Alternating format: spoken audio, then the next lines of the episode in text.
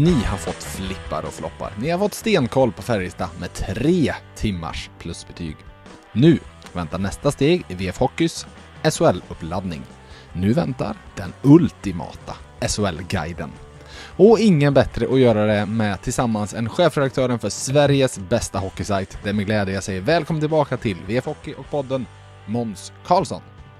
Tack så mycket. Alltid en höjdpunkt att få vara med. Ja men det är, jag, jag gillar verkligen den här upptrappningen som ju är, det är ju VF Hockey-standard att det är Johan Svensson, att det är Sanne Lindström och så kommer du och så ska vi att få till en tränarintervju också. Då, då vet man, då har man allt man behöver inför SHL-starten liksom.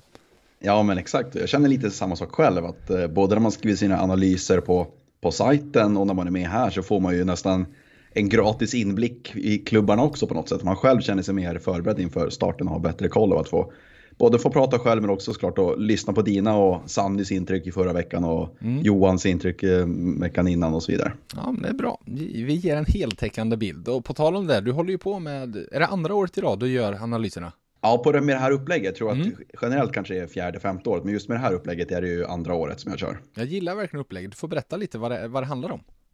Ja, men det det handlar om är att jag, eh, det utgår från att jag sätter betyg på alla spelare och får fram ett eh, snittbetyg helt enkelt i varje lagdel. Och det utgör min tabell och sen utgår liksom mina texter utifrån det helt enkelt. Och med lite jämförelser hur det såg ut förra året, kollar in vad jag sa inför säsongen, hur det verkligen blev sen. Då har man liksom fått bilden ganska klart tycker jag. Då slipper man sitta och göra tipset själv också. Så det mm. kommer liksom automatiskt endast baserat på hur spelarna är på pappret. Så mm. det är det är ju högt och lågt kan man säga. Mm. Och idag, idag tisdag har du ju väl släppt Färjestad-guiden? Det stämmer, den släpptes här på tisdag morgonen. Eh, mm. Det är väl det sjunde laget ut och det är såklart att det är det mest relevanta för den här poddens lyssnare i sig. Så att eh, Färjestad är ute och de exempelvis var en klubb som blev ganska kraftigt ned graderade förra året. Jag tror de mm. hamnade nia i mitt tips tack vare att de hade en i mitt tycke osäker målvaktssituation. Och det är mm. lite åt det hållet det blir även i år, att man har två som man inte riktigt vet var de står på, på SHL-nivå. Och det drar ju tyvärr ner snittbetyget ganska mycket. Så att, mm. Eh, det finns väl en risk att jag har undervärderat dem även i år. Jag som varit inne och kollat på tipset, du, du är helt fel ute när du ger Carl Lindbom en tre. Så det är, eh, det, du, du skäms på dig. Ja, såklart. jag kan säga så här. Jag kan säga så här. Mer om det senare i podden, så kan jag väl säga. Härligt. En yes. cliffhanger. Du, eh, du fick ju göra VF Hockeytian i fjol, så precis som eh, säsongens två tidigare gäster så är det nu anställningselvan som vi ska lära känna dig på. Så vi börjar med första frågan. Hur är du som person?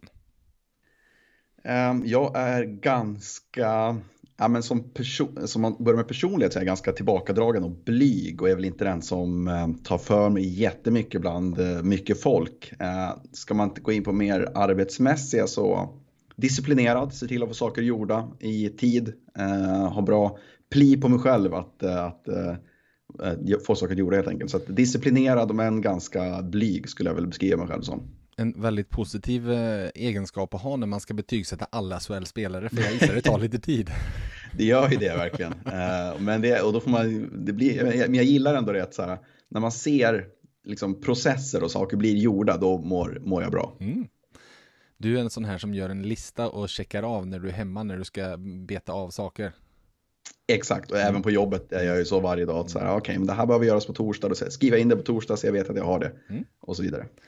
Vilken egenskap har du som kan förbättras? Ja, men mitt tålamod i den mån det går ihop med disciplin. Nej, men om saker inte går som jag vill, om vi säger att det skulle bli något tekniskt strul så att det inte går att sätta betyg på alla spelare eller så att det inte kan göra saker som mm. jag har planerat, då blir mitt tålamod eh, tillintetgjort väldigt snabbt. Så att det kan verkligen bli bättre. Vilken roll har du i en grupp? Eh, när det är bland folk jag är bekväm med så har jag inga problem med att synas och höras och ta för mig i centrum och sådär. Och samma sak med jobbmässigt så kommer det naturligt i och med att man är chefredaktör nu då. Mm. Eh, men annars så är jag nog den som kan sitta i ett hörn och eh, titta på andra som eh, pratar och står i centrum. Du, om någon är riktigt kritisk mot dig och ja, men, eh, du får höra ett och annat. Hur reagerar du på den där kritiken? Den den eh, sitter ju kvar ändå. Sen är det ju skillnad om jag vet att det är någon otroligt partisk, eh, exempelvis Färjestad-supporter som griner och säger du är ju dum i huvudet som har Carl Lindbom en trea. Mm. Ja, då vet jag ju att... Eh, du vet vart personen det, kommer ifrån. ja, säga. men precis. Om man, om man vet liksom att ja, men den kanske är lite partisk åt andra hållet också. Mm. Eh, men skulle det vara att det faktiskt är att man får att man är dum i huvudet eller att man faktiskt har gjort något fel och det kanske är någon spelare som hör av sig och liksom fasen hur tänkte du här? Då kan jag nog ta åt mig mer och liksom oftast ändå lägga mig platt och säga fasen här blev det fel.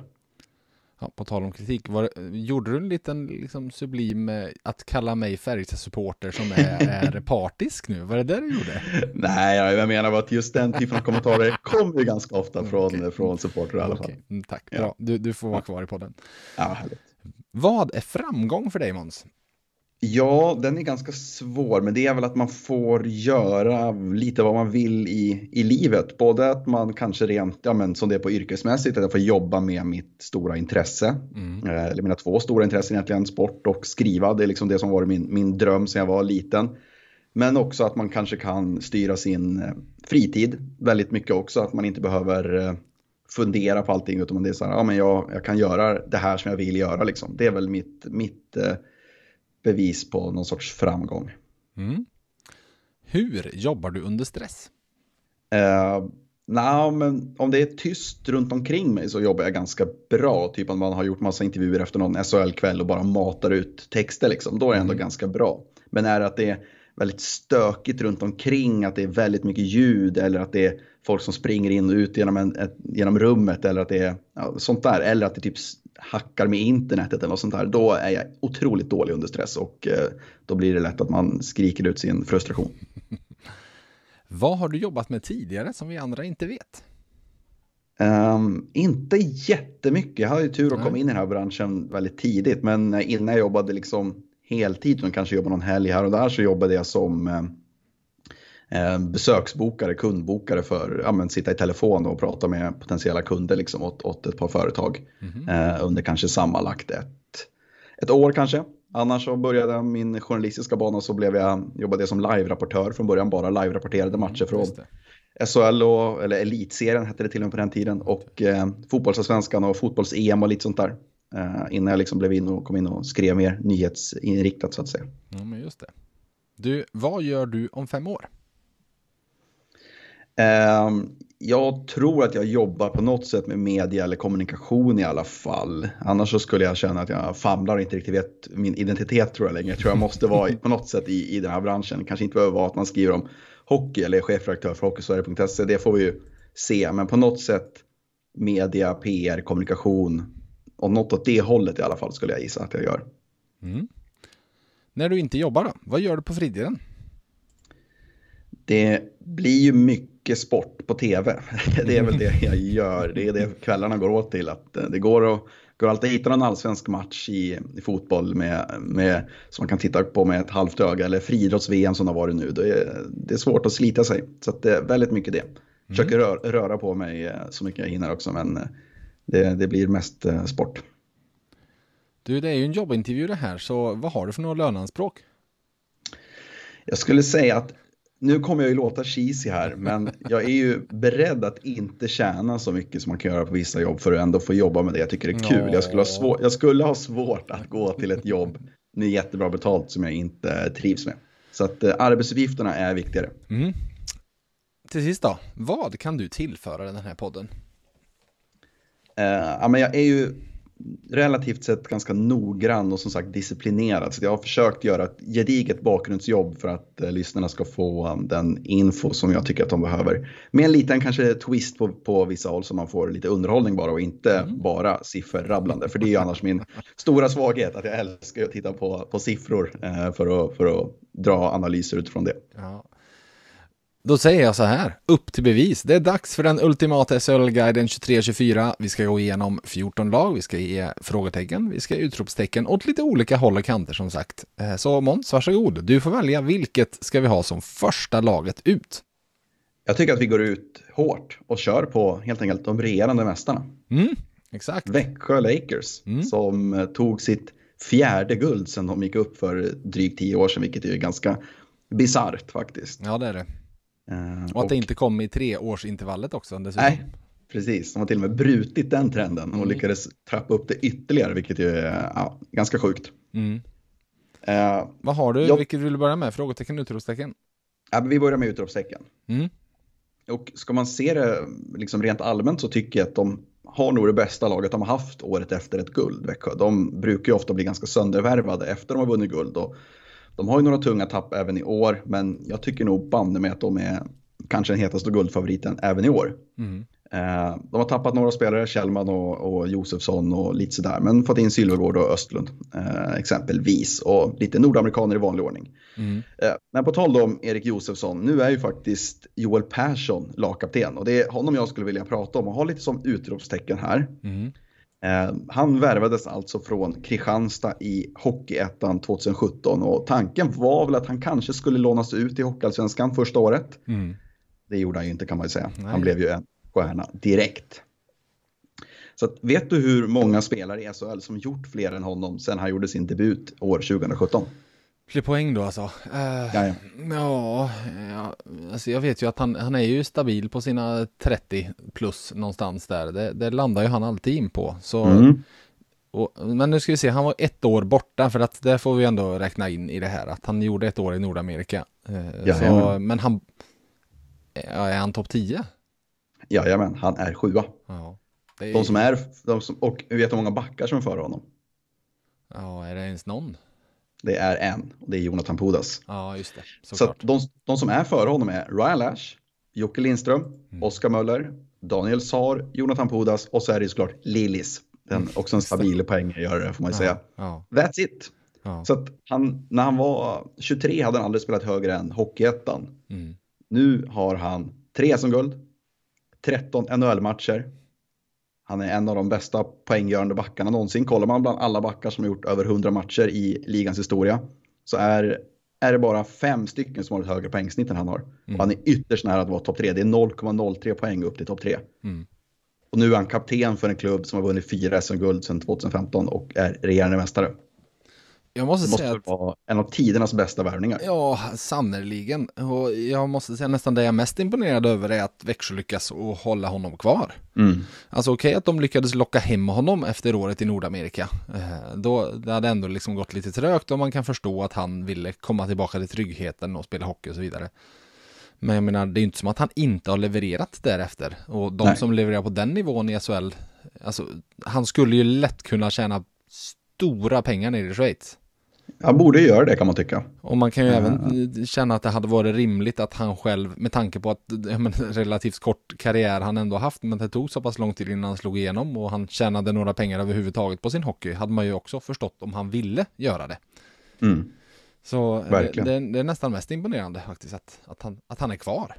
Exakt, och nu är han ju sagt kapten och nu börjar ni faktiskt bli till åren inom citattecken. Han närmar sig 30-strecket där. Så nu är det väl kanske så att han är i Växjö för att, för att stanna mm. helt och hållet. Mm. Och då blir han bara ännu bättre den där värvningen. Så sett. Ja, exakt. ja, och han är ju, ja, men det är ju det är häftigt att det finns utrymme för sådana där historier. Det finns ju många absolut som kommit upp, slagit igenom lite senare. Vi kan ta Gustav Rydahl som var en fjärde kedjespelare i SHL i några år innan han liksom blev en på gränsen till NHL-spelare och så vidare.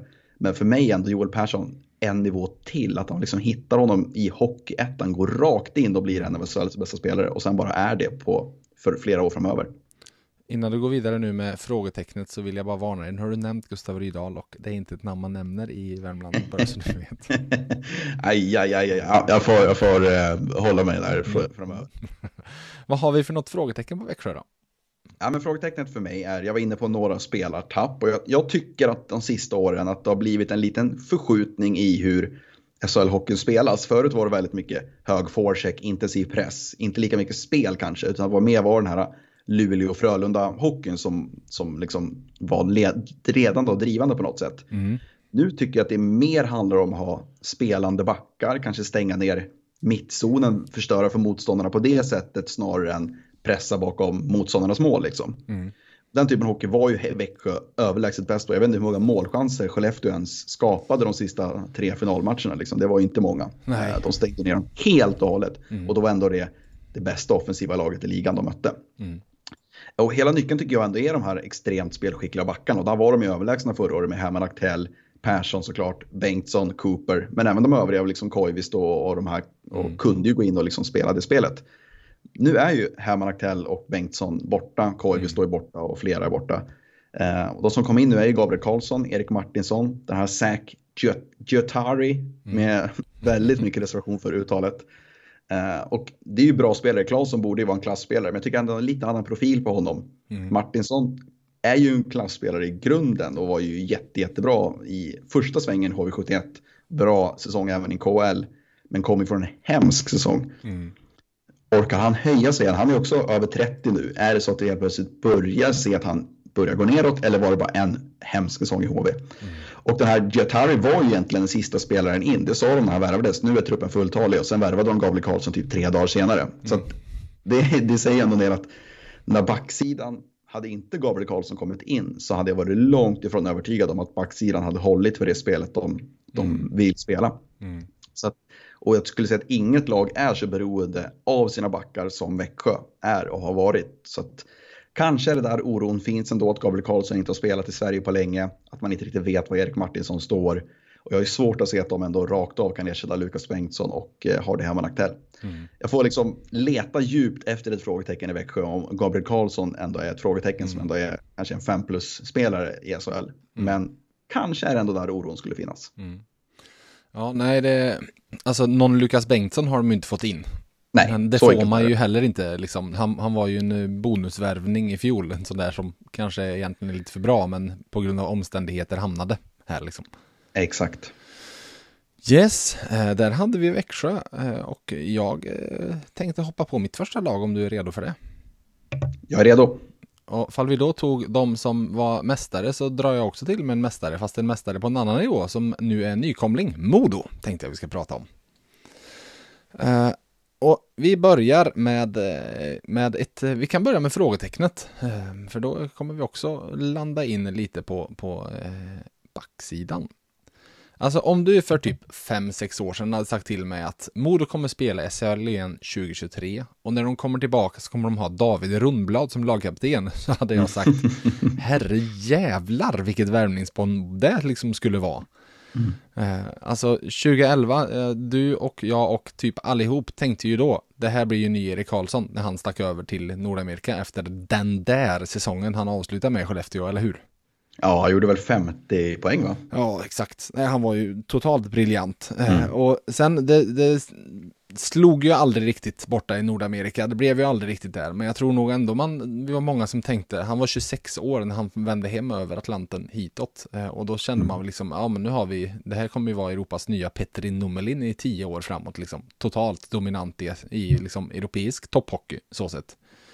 Och han började, alltså han gjorde ju en bra säsong i Schweiz. Eh, om inte annat att han i det läget blev värvad av SKA Sankt Petersburg och, och hamnade där. Men det var ju, får man ju se i det läget som Europas absolut tyngsta klubb att hamna i och bli värvad av. De som tog de bästa av de bästa. Definitivt.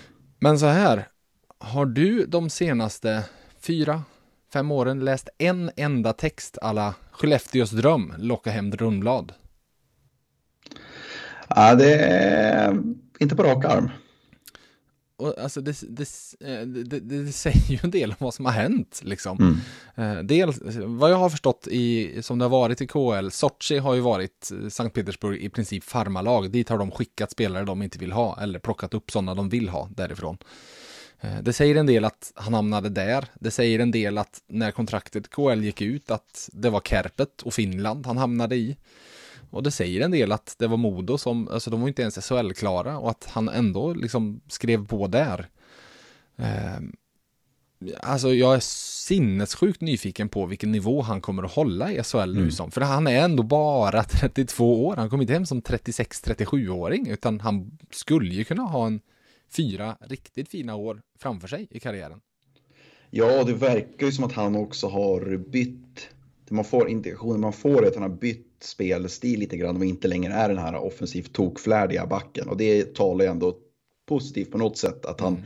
kanske är en liten annan profil nu och inte bara lever på att han kanske hade en grym skridskoåkning och liksom kunde dansa på offensiv blå. Mm. Ehm, det tycker jag ändå talar för att det är positivt. Sen sägs det ju att han ville hem till Skellefteå nu men att de kände att de inte hade plats för honom. Det är det som sägs. Sen får vi se, vet man inte om det stämmer men det kanske inte säger någonting. Mm.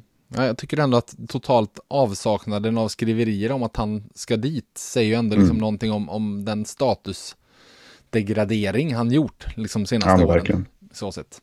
Så eh, jag hamnar på att han är ett frågetecken utifrån att jag har verkligen ingen aning om vad, vi, vad man kan förvänta sig av honom. Eh, vad satte du, eller har du kanske inte gått igenom Modo än, eller kan vi avslöja ditt betyg på Rumblad? Jag satte en trea, jag safeade. Ja, Ja, men, och det är ju det. Då, alltså... Han kommer ju antingen vara en fyra eller tvåa som mest. Han kommer inte vara en etta och han kommer inte vara en femma. Så då kändes trea som, som mest safe på något sätt. Mm. Och för något år sedan som sagt, samma jag som inledde det med att man hade tänkt att han skulle vara i Modo mm. som lagkapten. Då hade man tänkt, oh shit, fem plus back, såklart. Exakt. Så ja, vi får se. Eh, men utropstecken, då, nu ska du få lite siffror. Äntligen. Underbart. Eh, för ett antal år sedan, jag kommer inte, ja men skitsamma, men det var 6, 7, nej, nu kan vi räkna ut, det var åtta år sedan var det, så satt jag och gjorde en intervju med Charlotte Gustavsson, min fellow Fagerås-kompis, som då hade gjort ett av sina två vd-år i Modo. Eh, Modo hade då precis klarat sig kvar och hon pratade om hur en degradering hade slagit mot klubben. Nu ska jag läsa ett citat, för då sa hon så här. Det hade varit en katastrof. Vi hade fått lägga ner väldigt mycket eftersom vi inte hade det egna kapitalet. Hon fortsatte sen att prata om att de, ja, men vi kom, hade fått lägga ner ett damlag, hockeygymnasium och sen fortsatte hon. Vi hade behövt tänka så fruktansvärt kortsiktigt för att rädda föreningen. Hade vi varit nere i allsvenskan i mer än ett år hade det varit hej hej kommunen, här är nycklarna. Mm. Eh, och det blev, året efter åkte de ur. Eh, och det blev sju år i allsvenskan där de faktiskt stundtals var ja, i ett bottenlag vissa år. Eh, klart på undre halvan. Men Modo tog sig tillbaka och det är nästan är mest imponerad över som gör att de hamnar här som ett utropstecken är att de gjorde det genom att i fjol gå 4,1 miljoner plus och komma tillbaka till SHL med ett eget kapital på 22,1 miljoner. Oj. Ja. Uh, och visst, man kan ju tänka sig, ja men det kanske är lite dopade siffror, det var ju ett himla fint slutspel. Det är klart att det, uh, ja, nu, vad heter arenan nu? Är det Hägg? Någon, Hägglunds. Hägglund, ja. Mm. Den var ju fullsatt och det var, det är klart det drog in väldigt mycket pengar. Jo, men Djurgården hade också fullsatta arenor hela vägen in i en final och massa hemmamatcher och de gick 7,8 miljoner minus förra säsongen. Så jag är nästan mer imponerad av den ekonomiska situation Modo går upp i än att de gick upp. Och jag har läst någon intervju här nu med, var det vd eller klubbdirektör, någon, någon ledare i alla fall, som pratar om att ja, men vi, de känner inte att det är klubbens undergång om de skulle åka ur. Eh, att de, de skulle klara sig ändå liksom. Det är klart de mm. vill, vill vara kvar och skillnaderna mellan allsvenskan och SHL är astronomiska. Men att ha nått den nivån att man har byggt upp en ekonomisk stabilitet att ja, men, går vi, åker vi ur så kommer vi inte behöva säga upp 20 pers måndagen efter utan det faktiskt finns någon slags stabilitet i klubben. Det ska de ha väldigt mycket beröm för tycker jag. Verkligen och det man också har sett nu är ju att eh, det här med att, de, att damlaget skulle bli lidande och det har de säkert blivit men även där börjar de ju trappa upp nu och känns ganska spännande inför nästa säsong så att de har ju på något sätt fått hela föreningen att fortsätta fortsätta leva och inte bara satsa allt på, på A-laget som Charlotte var inne på där. Nej, Nej men ska bli spännande att se också hur det blir med publiken för jag tror de hade ett snitt i fjol i grundserien på 4000 i allsvenskan och jag mm. menar det skrämmer ju ingen på SHL-nivå eh, och se hur mycket, hur mycket SHL-statusen gör åt publiken, liksom, fall de kan ta sig uppåt en 6000 i alla fall, för någonstans där känns det som att det vore rimligt för dem att, att ligga i ett snitt. Ja, och jag tror också att för när de åkte ur Modo, då var det ju väldigt mycket, men lite den situationen som, som Brynäs har varit i sista åren. Man hade liksom på känn, det blev sämre och sämre och sämre och sämre. Till slut skulle de åka ut. Mm. mm jag tror man ändå tog sin plats i högsta ligan för givet på något sätt, ja. även fast de var där eh, och harvade år efter år. Nu tror jag inte de gör det längre, så nu tror jag att det är en, en förening som man ska aldrig säga att det är positivt att åka ur och framförallt inte när man varit ute i sju år. Nej. Det är såklart att det aldrig är bra.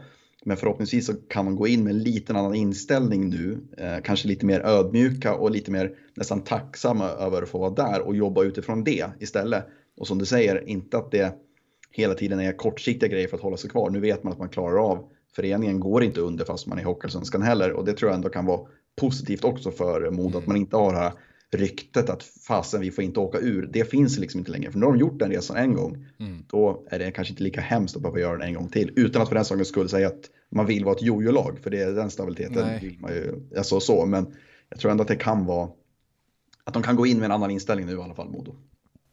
Och ser man till det där, alltså det är bara att se på nyhe nyhetsnarrativet. Slutar Modo 12 i år så kommer mm. det vara en framgångsrik säsong. Som, så kommer den beskrivas. Eh, hade de slutat 12, alltså när de var uppe senast så var det ju fortfarande, ja men det var väntan på avrättning i princip. Exakt.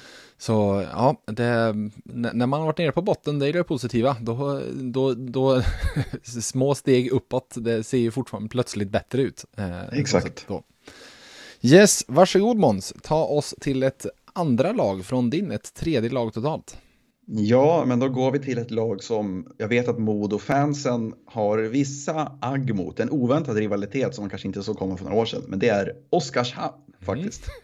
Mm, de eh, ja, undvek ju det här kvalet mot Modo 2020 då exempel. Det är inte säkert att det blivit mot just Modo, men ett potentiellt kval mot Modo 2020 och sen så plockar mm. de ju Olofsson och Rosdahl och Karlqvist och ja, mm. allt vad det var. Och det gick ju som det gick sen för Oskarshamn kan man ju säga. Mm. Och det gick som det gick för Modo som väl kom 12 året efter tror jag. Eh, I Hockeyallsvenskan. Mm. Så att, eh, ja, vi går till Oskarshamn i alla fall. Mm. Och vi börjar väl med, eh, vi kan börja med utropstecknet då. Mm.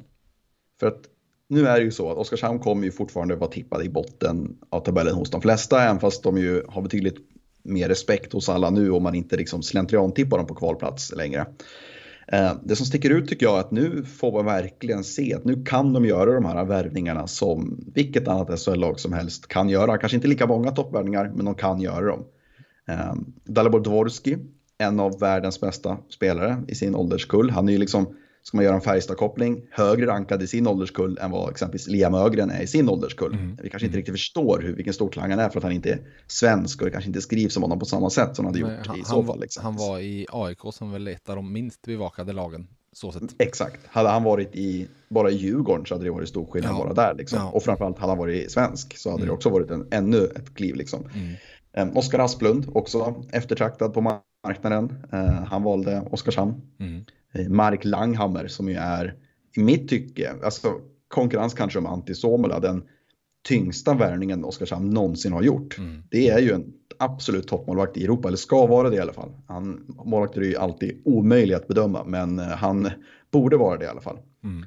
Eh, och så Oskar Engsund då såklart, som ju också är, visst han är hemmason, men det är ändå en, en värvning som liksom sätter, sätter tonen för Oskarshamn. Mm. Uh, och han skrev ju, var det sexårskontrakt, de har Patrik Karlqvist på femårskontrakt. Nu vet man också att man kommer inte tappa sina bästa spelare till direkta konkurrenter i alla fall, som man gjorde med Brian Cooper, Verno, mm. Rosdahl, Olofsson då, även inte blev någonting där, Lance Boma och så vidare och så vidare. Mm. Um, så att, ska, jag tycker väl ändå att um, nu kan de värva de här toppspelarna, de är på en högre platå nu för att stanna. Det är absolut inte givet att de är ett topp 6-lag eller topp 10-lag även i år. Men nu är det fortfarande betydligt mer trovärdigt att de faktiskt är där. För nu kan de göra, de behöver inte bara titta efter obskyra spelare, alla David Quenville exempelvis som hittar i ECHL, utan det går faktiskt att göra etablerade toppspelare i Europa eller etablerade supertalanger som liksom står på gränsen till jättegenombrott. Uh, hade Dalibor Dvorski gått till Färjestad exempelvis hade han varit en av de mest omskrivna spelarna i SHL för den här säsongen. Det är jag ganska säker på.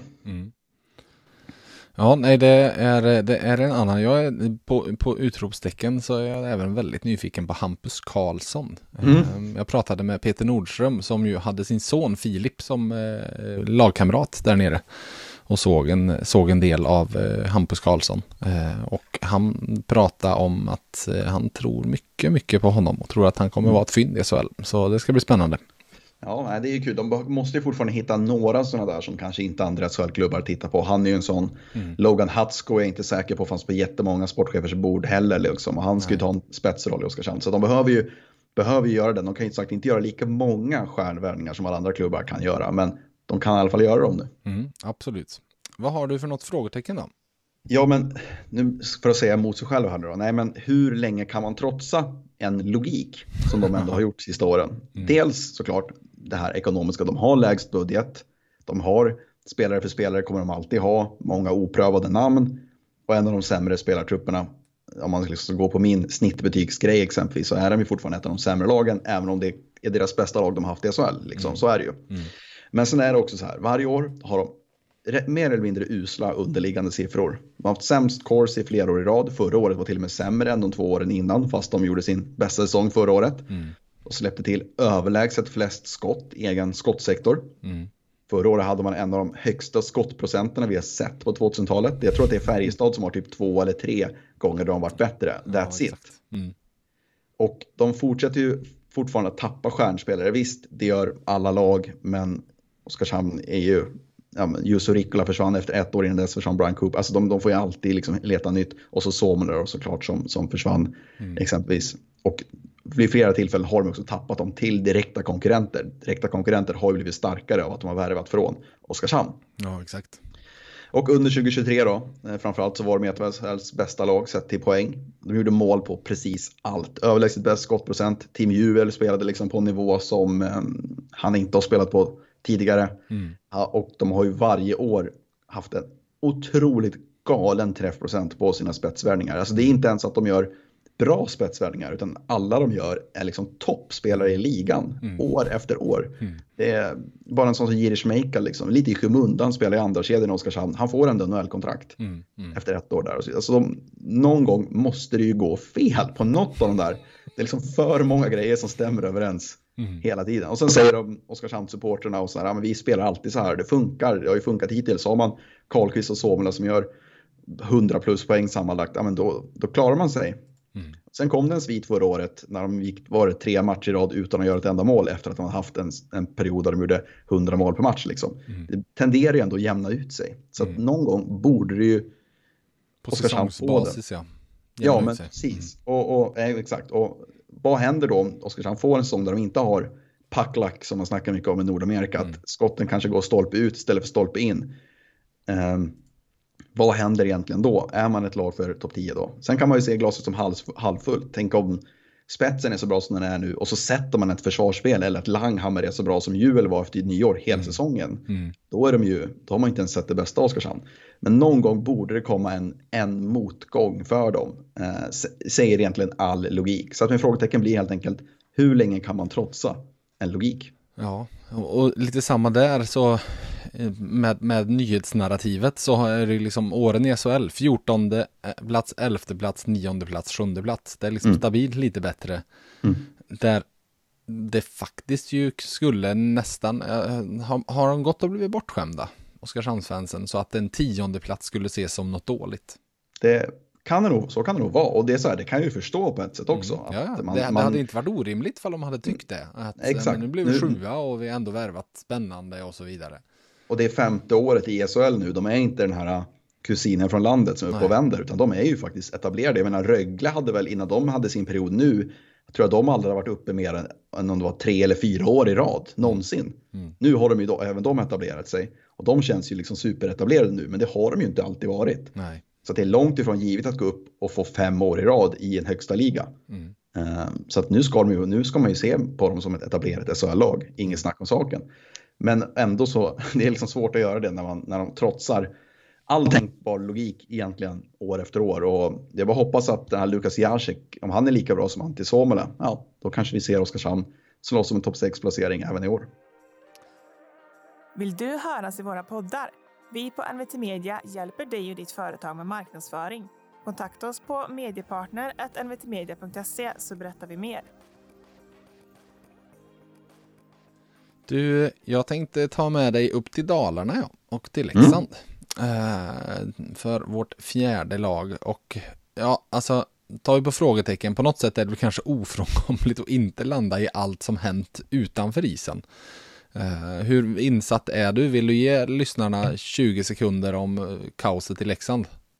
Det är, väl, det är väl, vad ska man säga, det har ju varit en valberedning som inte riktigt har lyssnat på medlemmarna kan man säga och en, ett styrelseförslag som inte riktigt heller har de har trott nästan att de har suttit i styrelsen innan de blev valda. Mer eller mindre och liksom styrt egentligen vilket narrativ som ska ut på, på hemsidan och allt sånt där. Och supporterna har inte alls köpt varken valberedningens förslag eller styrelsen och hur de vill jobba och så vidare. Mm. Så det har ju blivit eh, ajournerade årsmöten ett par gånger här nu innan de till slut lyckades hitta en styrelse som, och, eller till att börja med, först en valberedning som folk var nöjda med mm. och sen en styrelse som folk var nöjda med. För att eh, inte ja. ens valberedningen fick ju godkänt första svängen. Nej. Men nu ska de ju ha en styrelse på plats i alla fall och det blev väl en, någon sorts kompromiss eh, av alltihop i alla fall. Ja, precis. Och det handlar väl även lite om lite stadge ja, vridande att de, kring vilka som var valbara och så vidare. Det var väl också en ganska viktig kärnfråga i vad, vad folk blev Nej. irriterade på.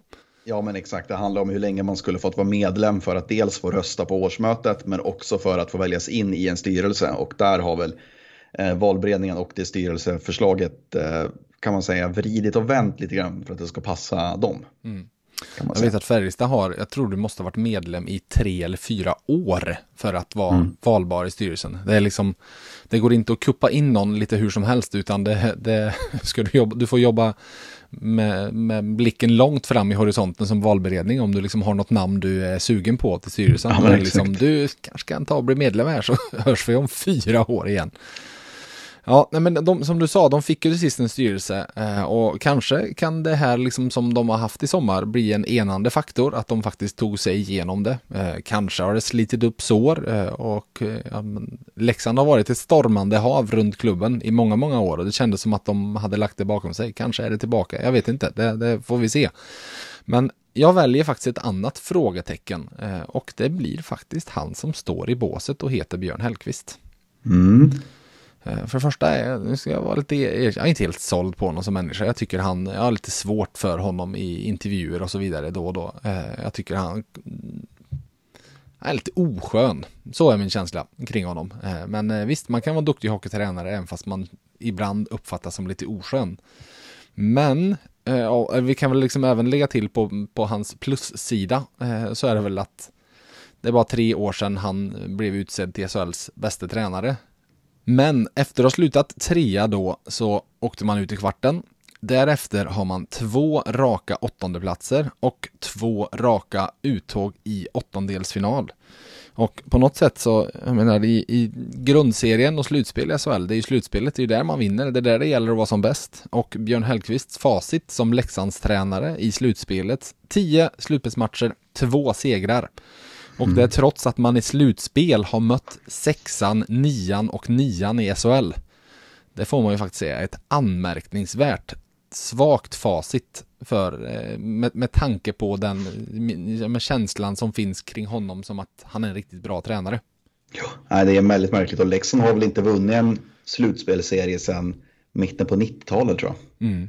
Eh, så att bara det är ju en, en stor platå om de skulle lyckas med det. Men nej, det, jag har skrivit mycket om det här också, att jag hade ju egentligen jag vet jag skrev i min analys av Leksand inför förra säsongen så skrev jag att det som absolut inte får hända nu för Björn Hellkvist det är en ny åttonde plats och ett åttondelsfinaluttåg. Det var egentligen det enda som inte fick hända. Vinn en slutspelserie eller kom topp 6 liksom. En mm. av de grejerna måste hända. Mm. Så att jag hade nästan trott att han skulle få gå vid ett sånt resultat om jag ska vara ärlig. Så jag känner att han, han är ju under lupp, säg att de får en dålig start mm. i höst, då har ju jag svårt att se att han sitter kvar. Ehm, för att det är ju det som liksom Ja, nej, ja, det, det, skulle jag sätta pengar på någon tränare som får sparken innan nyår så hade jag nog faktiskt valt honom. Av, mm. av, av de 14 som finns. Så därav att han hamnar som mitt frågetecken. Uh, utropstecknet då? Uh, för att det finns spännande grejer i Leksand. Uh, Ska jag vara lite hård då, så kan jag väl säga att jag hade Carter Ashton som frågetecken i fjol och utropstecknet nu får väl vara att han bara har ett år kvar på det där kontraktet och får vi gissa en betydande lönepost öppnas upp. Exakt. Eh, den, den satt den eh, frågeteckens spaningen i fjol i alla fall om att eh, han inte skulle vara något vidare att ha. Men vi tar något roligare och jag tycker att vi väljer det faktum att Leksand de senaste åren faktiskt varit en riktigt, riktigt fin talangproducent. Eh, om mest nyfiken i vinter så är jag på två spelare. Dels Felix Unger Sörum. Eh, han är 17 år och har redan skrivit NHL-kontrakt med Carolina. Det säger någonting. Eh, kommer han få spela? Kan han få ett genombrott? Den andra är sportchefens son, Anton Johansson. så tydligt högerfattad back för er som inte har sett honom så mycket. Lång högerfattad back ser lite ut som Daniel Gunnarsson i spelstilen, kan vi säga det? För att ta ett Färjestad-kontext. Ja, men det skulle vi väl kunna göra. Mm, men eh, det känns som att det finns ett väldigt, väldigt högt tak på hans eh, mm. spel. Eh, det är han såklart som alla sådana där offensivt spelskickliga backar behöver hitta lite stabilitet och så vidare. Men av det jag sett av honom både i fjol och nu lite i Strömstad här när Färjestad var där och spelade så gillar jag mycket det jag har sett. Så att Spännande att se om de där får chansen för att det är ju ett Leksand som inte har värvat nästan någonting inför säsongen utan det är ju mycket av det som är kvar sedan i fjol och så vidare. Så ja, spännande att se som sagt fall, fall talanger kan få spela även i A-laget. Nej, men man har ju sett både Unger Sörum och Johansson egentligen för, för lite för att liksom se om de är redo för, för SHL och så där. De har ju verkligen fått chanserna nu på, på försäsongen så att det verkar visserligen på grund av skador delvis men det verkar ändå finnas någon sorts tanke att de ska få chansen och de lånade ju ut ett par juniorer till Hockeyallsvenskan också så att medan Unger, Unger Sörum då fick vara kvar och det är väl ändå mm. tecken på att de ändå ser honom som en potentiell SHL-spelare redan i år medan de andra eh, behövde få allsvensk matchning, kanske. Mm. Var ska vi åka härnäst då, med ditt tredje lag? Ja, men vi åker till ett lag som på ett sätt påminner lite grann om Leksand. Eh, och det är Timrå. Och hur påminner de då om Leksand undrar ju du givetvis då. Ja, det är, det är, de har vitt som färg. Exakt, det är det som är utropstecknet. ja. Nej, men jag tänker att vi, vi kan gå igenom eh, hela listan över Timrås nyförvärv till den här säsongen. Mm, eh, Team Juel, mm. Filip Hollander mm. och slut. Då slut ja. Mm. ja. Lite som Leksand som vi plockat in Filip Larsson och Eddie Larsson och så Max Werno om han nu ens räknas som ett nyförvärv. Liksom. Mm. I princip samma trupp som man hade förra året. I alla fall som man avslutade förra säsongen som det är i mm. Timrås eh, lag. För de gick ju väldigt bra och ändå valde eh, Kimmo Kapanen, den nya sportchefen, att värva sex spelare tror jag att det var och göra sig av med tre, fyra stycken. Mm. Um, de värvade in Simon Forsmark, Axel Rindell, Jonas Lytinen, Magnus Pääjärvi, Panu Mieho och Olli Palola. Mm. Han bröt med Joey LaLeggia, Jakob Blomqvist, Nick Halloran. Och kollar vi på truppen idag så är alla nyförvärv han gjorde under förra säsongen kvar utom Olli Palola. Mm. Eh, och nu har han alltså värvat Hollander och Juel och Hollander är väl en så bra värvning man kan göra i SHL egentligen. Han är 23 år va? Spelat VM, spelat NHL, gjort liksom en säsong i SHL där han har varit en, en väldigt bra spelare. Att du inte han slagit är... in den öppna bollen nu, att vilken förening han kommer ifrån. Exakt, det var nästan. Han är från klubben. Och så är det ett femårskontrakt. Ja. Och så, ja, du tänker på Pittsburgh då, ja. Ja, Exakt, att du inte, det var ju öppet mål att du ska dra in den när du sitter och pratar hockey med mig. Ja, det är för dåligt. För Han dåligt. eleveras ju 10 poäng direkt. Ja, men exakt. Mm. Nej, men och, och sen då Team Juel som de gjorde klart med. Det var väl Mr Maddox som avslöjade det på julafton. Mm. Och eh, då var han väl en, en bra målvakt i SHL som drog, växeldrog med, med Joe Kanata. Hur Sen, länge tror du han hade suttit och hållit på den men väntat till julafton att köra julgrejen och julen? Det måste ju vara några dagar i alla fall. Ja, garanterat. Ja. Även om man då går från efter nyår då, mm. när han alltså redan var klar för Timrå, stod han 20 matcher, i princip rubbet. Han hade 93 och 15 i räddningsprocent. Det duger det va? Det duger. Och spelade också näst mest av alla målvakter under den perioden efter Jakob Johansson i Timrå. Mm. Uh, så lite, påminner lite om Henrik Evertsson och Marcus Sylvegård. Han gjorde ju klart med Sylvegård tidigt förra säsongen. Och sen blev Marcus Sylvegård en av SHLs bästa offensiva spelare. Mm.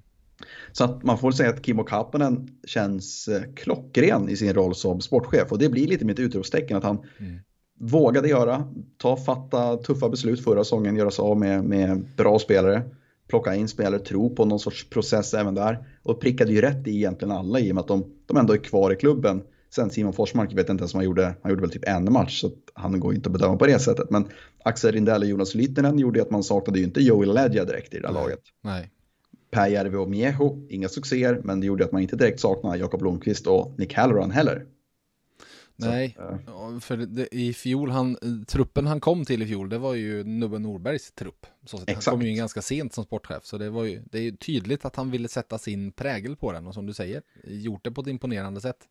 Ja, och komma in och sätta den standarden på en gång och nu se till att man kan jobba med samma trupp den här säsongen förutom att man fått in en till riktigt bra målvakt och sen en till riktigt toppspelare. Det gör ju att eh, det kommer nog bli lite mer lugn och ro i Timrå den här gången för nu har ni verkligen fått sätta den truppen han vill. Mm. Vad ser du ändå som frågetecken då? Ja, men ska vi köra ett litet quiz här igen nu då? ja, det, härligt. Ja, eh, jag säger några siffror här så du ska gissa vad, vad de siffrorna betyder. Yes. 29, 30, 32, 39 och 27. Vet du vad det är? 29, 30, 32, 37. Nej, nej, jag tänkte säga backarnas ålder, men de har väl ingen 37-årig back inte? Nej, precis. 39 till och med. Ja, 39. Men, nej. Ja. Nej, det här är faktiskt antalet matcher som Anton Vedin har gjort när han har spelat i Sverige de senaste fem åren. Som minst har han alltså missat 13 matcher. Mm, Men vid flera tillfällen, oftast, så missar han närmare halva säsongen. mm, Eh, och det här är ju egentligen en av mina absoluta favoritspelare i SHL den här säsongen. Han slog igenom när Timrå gick upp, och blir väl för, förra gången då. Mm. Då var han ju alltså otrolig i ett otroligt färglöst Timrå var han ju grym och kom lite från ingenstans. Och jag Mm. liksom så här, hockeyförälskade med honom på något sätt. Så här, vilken Mm. grym spelare. Jag tycker han var skitbra rent ut sagt även i HV när han var skadefri. Men drog sig med skador även där. mm. Men nu är han 30 och det känns ju tufft, jag som fyller 30 i armen på månader, att hela tiden behöva, behöva nämna det som att det är något negativt. Eh, Avdankad. Men exakt, han är, han är under bli 30. Mm, Han gjorde bara 8 plus 5 på 27 matcher förra året. mm, Han har haft problem med axel, han har haft problem med knä. Ehm, kan han bli en spelare som gör 0,75 poäng och uppåt per match igen? Eller är han liksom en 0,5 poängspelare ett bäst? Är han en topp 6 forward fortfarande?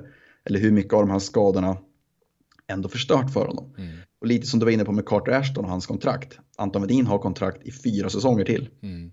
Det har avverkats ett år på det här femårskontraktet och det känns som att det kan bli ett problem redan egentligen den här säsongen om han inte kan vara skadefri och liksom studsa tillbaka och, och visa att han fortfarande är den där grymma spelaren han var förra svängen i Timrå och Mm. även i HV71. För ska man, just med kontrakt och så vidare och med lön, för man kan vara, det, det, alltså du och jag är båda väldigt intresserade Mm. och är man det så blir ju löner på ett annat sätt en var, del av vardagen av, en, av hockeydiskussionen så sett för att öppna löner och lönetak och allting, det, det avgör så mycket.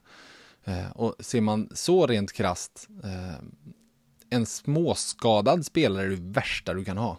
Ja, verkligen. Alltså en spelare som vars karriär tar slut, det spelar ju inte jättestor roll för klubben eh, lönemässigt på det sättet. För då försvinner lönen efter tre månader och så är det försäkring och försäkringskassan och så vidare som går in. Men någon som är borta och missar några veckor här och där, du har ju hela lönekostnaden hela tiden och jag vill Anton Vedin, vi snackar ju 200 någonstans. Ja, det är en ja, topplön ja liksom, absolut.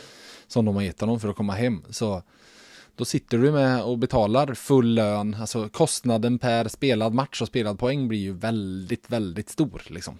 Så sett, fall han, fall han bara spelar 25-30 matcher.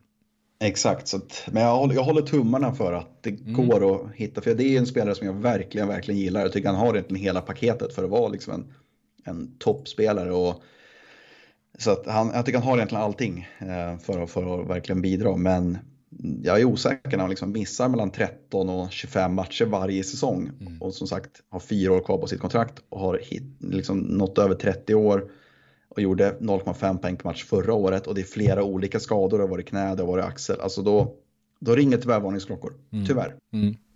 Säg som det är, du vill bara att, du vill, att han ska bevisa att 30-åringar inte är avdankade. Exakt, exakt så. Vi var i Timrå och vi åker en eh, liten bit norrut till, ja, ganska lång bit norrut om vi ska vara helt ärliga. Skellefteå tänkte jag vi ska till. Eh, vi börjar med ett utropstecken och där jag ska rabbla lite siffror eh, med tar du det här då är du sjukt imponerande. 3, 3, 2, 2, 2, 1, 2, 2, 4, 4, 1, 4, 1. Yes, jag vet vad det är. Vad är det? Nej, det gör jag inte. Jag tänkte att det var deras tabellplaceringar de sista 15 Ja. åren eller vad det är. Men det, 16. vi, vi, vi kommer dit, vi kommer dit. För Ja, det här ja. var Färjestads tabellrad under Jörgen Jönssons alla säsonger i klubben. Vilket Ah, den, den, är- den är sinnessjuk, så kan vi säga. Och jag, jag fick fram den när vi gjorde våran FBK Topp 90-grej i fjol. Jag skrev ett stort reportage om Jörgen Jönsson. Eh, Det var då jag började fundera på, men vad slutar de egentligen? Ja, för de hade ju sin genomklappningssäsong det året som han var borta. Och annars var de som sagt sämst fyra under alla hans år i klubben. Eh, Så ja, det är otroligt. Det är otroligt. Ja, och då tänkte jag, men det här är ju sinnessjukt. Så här kommer ju aldrig någonting vara. Men alltså, Skellefteå på riktigt. Eh, 2006 var ju då de gick upp, eh, eller var tillbaka. Och då slutade de 11. Sen slutade de åtta och sen slutade de sexa. Men då tog de sig till semifinal då 2009. Och sen dess då, fyra, trea, tvåa, etta, etta, etta. Nu ska vi se, etta, etta, etta. En till. Etta, etta, etta. Fyra ettor. Sexa, femma, fyra, fyra, trea, tvåa. Ja, det är otroligt faktiskt. Eh, jag minns att jag gjorde intervju med Erik Forsell här för, för ett år sedan och pratade vi just om att de hade varit inne i en liten down-period mm. eh, innan han kom in. Och då efter ett tag sa han så här, jo, vi har, har vi kommit femma liksom. Mm, det är down-perioden. de, de, har ju inte, de har ju inte missat kvartsfinal med topp 6-formatet liksom. Sen, sen 2000, ja men sen 2000, 2008 helt enkelt. Ja. Och det i en tid liksom där alla har typ genomklappssäsonger. Eh, jag menar Växjö har haft sina mm. mellan sina guld där det har gått riktigt dåligt. Frölunda har också haft någon där det gått riktigt dåligt och så vidare. Och sen har det liksom kommit lag som jag under den här perioden, jag menar Örebro när de började, då var Örebro ett, spelade nästan i division 1. Eh, liksom mm. lag, Rögle har tagit sig uppåt och så vidare. Alltså hålla den jämna standarden. Eh, och Ja, dessutom så är det ju en dominans de har haft utan att de har haft en Sam Hallam eller en Roger Rönnberg som i sig varit den där stabiliserande kraften utan det har bytts tränare ganska rejält under alla de här åren. Mm. Så sett. Det är jättemånga olika tränarkonstellationer även fast det finns många som, som har varit där mycket. Och några som har återvänt och så vidare. Men Skellefteås kärna och som gör det här, det är ju spelarna. Eh, det går inte att säga något annat. Det är där. Alltså Jimmy Eriksson, Joakim Lindström och Oskar Möller. Eh, så många år som de har varit ryggraden. Just nu, Oskar Möller har ju tagit en paus. Vi får hoppas att han, han, känner orken att börja spela igen. Eh, då finns ingen av dem kvar. Men, jag menar, Jonathan Pudas, Per Lindholm, Rickard Hugg. Eh, Jonsson där, en hemvändare. Oskar Lindberg, Lindberg. Ja men mm. precis. Alltså det är väldigt, väldigt. Petter Granberg. Ja exakt. Men de är så duktiga på att bygga upp en, eh, en ryggrad. Och att få dem att stanna så pass mycket. Exakt. Eh. Sen, sen eh, har de haft lite tur om man får säga så. Att flera av de här som var stortalanger och bärande redan när de vann gulden ja, 13-14 där. Att flera av dem inte breakade i Nordamerika. Mm. Så någon har varit borta, men så här, Petter Granberg var borta något år, kom tillbaka. De har haft några sådana spelare också som liksom eh, Sen har de ju vänt hem till Skellefteå, absolut. De har ju vunnit de dragkamperna för det allra mesta med, med några undantag. Liksom. Mm. Eh, men de har haft lite tur där också. att eh, har, Spelarna inte har slagit igenom och blivit liksom permanenta NHL-spelare, så jättemånga av dem. Nej, utan och många har kommit tillbaka efter några år, alla Melke Karlsson och så vidare. Precis, precis. Ehm, så nej, det, det, är ju det här ständiga, du vill, du vill producera spelare som blir lagom bra. Ehm, du, Exakt. Du vill ju inte producera en Rasmus Dahlin för det spelar liksom ingen roll nästan. Ehm, de, eller en, för att prata Färjestad-kontext, Joel Eriksson Ek, Jonas Brodin och så vidare. Mm. De, du får glädjas väldigt lite åt dem, den sortens eh, talanger. Eh, det, det, det som egentligen den som de egentligen hade egentligen haft mest nytta av på ett sätt är typ Martin Lundberg. Men det blev det ju ingenting av i Skellefteå utan han, han blev ju sån spelare i Växjö istället. Ja, exakt. Att han åkte över, slog inte riktigt igenom. Då tänker man ju, ja men då är han Skellefteås tredje center nu i åtta år liksom. Men så blev det i Växjö istället. Mm, precis. Ja, nej, sjukt imponerande och där mm, hamnar ett utropstecken på Skellefteå. Eh, frågetecknet Uh, jag kan inte sätta något annat än Kenny Agostino där mm. faktiskt. Inte efter det här vi har bakom oss uh, senaste veckorna. Uh, och jag har funderat lite över det och det jag tycker stack ut i reaktionerna var att så många pratade om att, ja, men att just Skellefteå skulle göra det. Det var ju en vanlig reaktion runt om mm. i Hockeysverige. Alltså att helylle Skellefteå som känns som att de har stått, haft liksom satt en stolthet i att ha fina värderingar, att det är de som gjorde det. Men sen, det kanske inte är så konstigt. Uh, för mest helylle och lätt att tycka om i Skellefteå, vem var det? Tar du det här det på uppstuds? Oh, Han är inte kvar längre. Han slutar 2022. Tänker du på eh, P.A. Israelsson? Eller? Ja, exakt. Mm. Uh, varje gång jag träffat honom bara, herregud vilken trevlig människa. Jag förstår mm. att folk trivs runt honom, med honom. Han var klubbdirektör i 25 år i Skellefteå. Han, han stod för mycket, han satte ton för mycket. Och jag vågar nästan slå fast att hade han varit kvar, då hade inte Skellefteå agerat som de gjorde. Eh, alltså visst, de, kan, de har sina förklaringar om att de blev förda bakom ljuset och det blev de väl liksom sett till eh, när kontraktet hade skrivits på och hur han verkligen hade försökt att ta sig ur och så vidare. Eh, och man, man, kan ha åsikter oavsett kring det, men likväl hur man än vrider och vänder på det, de tog ju en risk. När de, när de tog in honom och den risken så är jag tveksam om Pia Israelsson hade låtit dem att ta. Eh, sen, eh, hans ersättare Åsa Andersson, jag vet inte, det är inte, inte hon som ska bära hela ansvaret, men en sak jag vet och det är att jag spydde när jag läste hennes förklaring. Så jag vill varna känsliga lyssnare nu, för nu blir det riktigt bedrövligt. Eh, och nu är det inte i form av det här om att krig är något tråkigt och så vidare som de var ute och svingade om, bara det, det är ju en helt annan sak. Men det här, som de la ut på sin hemsida när de berättade om att de bröt med Kenny Agostino. Vi har haft många kontakter med partners, medlemmar och supportrar och andra med svartgula hjärtan de senaste dagarna. Människors kärlek till och engagemang i klubben är det viktigaste vi har. Vi fortsätter framåt tillsammans och för Skellefteå och AIKs bästa, säger Åsa Andersson, klubbdirektör i Skellefteå AIK Hockey. Alltså fy fan vad jag hatar Alltså att i det här läget stå upp och säg vi, vi gjorde upp bort oss. Mm, Förlåt. exakt. Vi gjorde bort oss. Eh, Vi tänkte inte igenom det här riktigt. Jag är ny i min roll eh, vi- och, och vi, vi, vi skäms över hur vi gjorde. Det här blev fel. Vi ska bättra oss i framtiden. Man behöver inte vinkla allting till att det ska vara något positivt. Att åh, det är så härligt att vi har sånt engagemang runt klubben.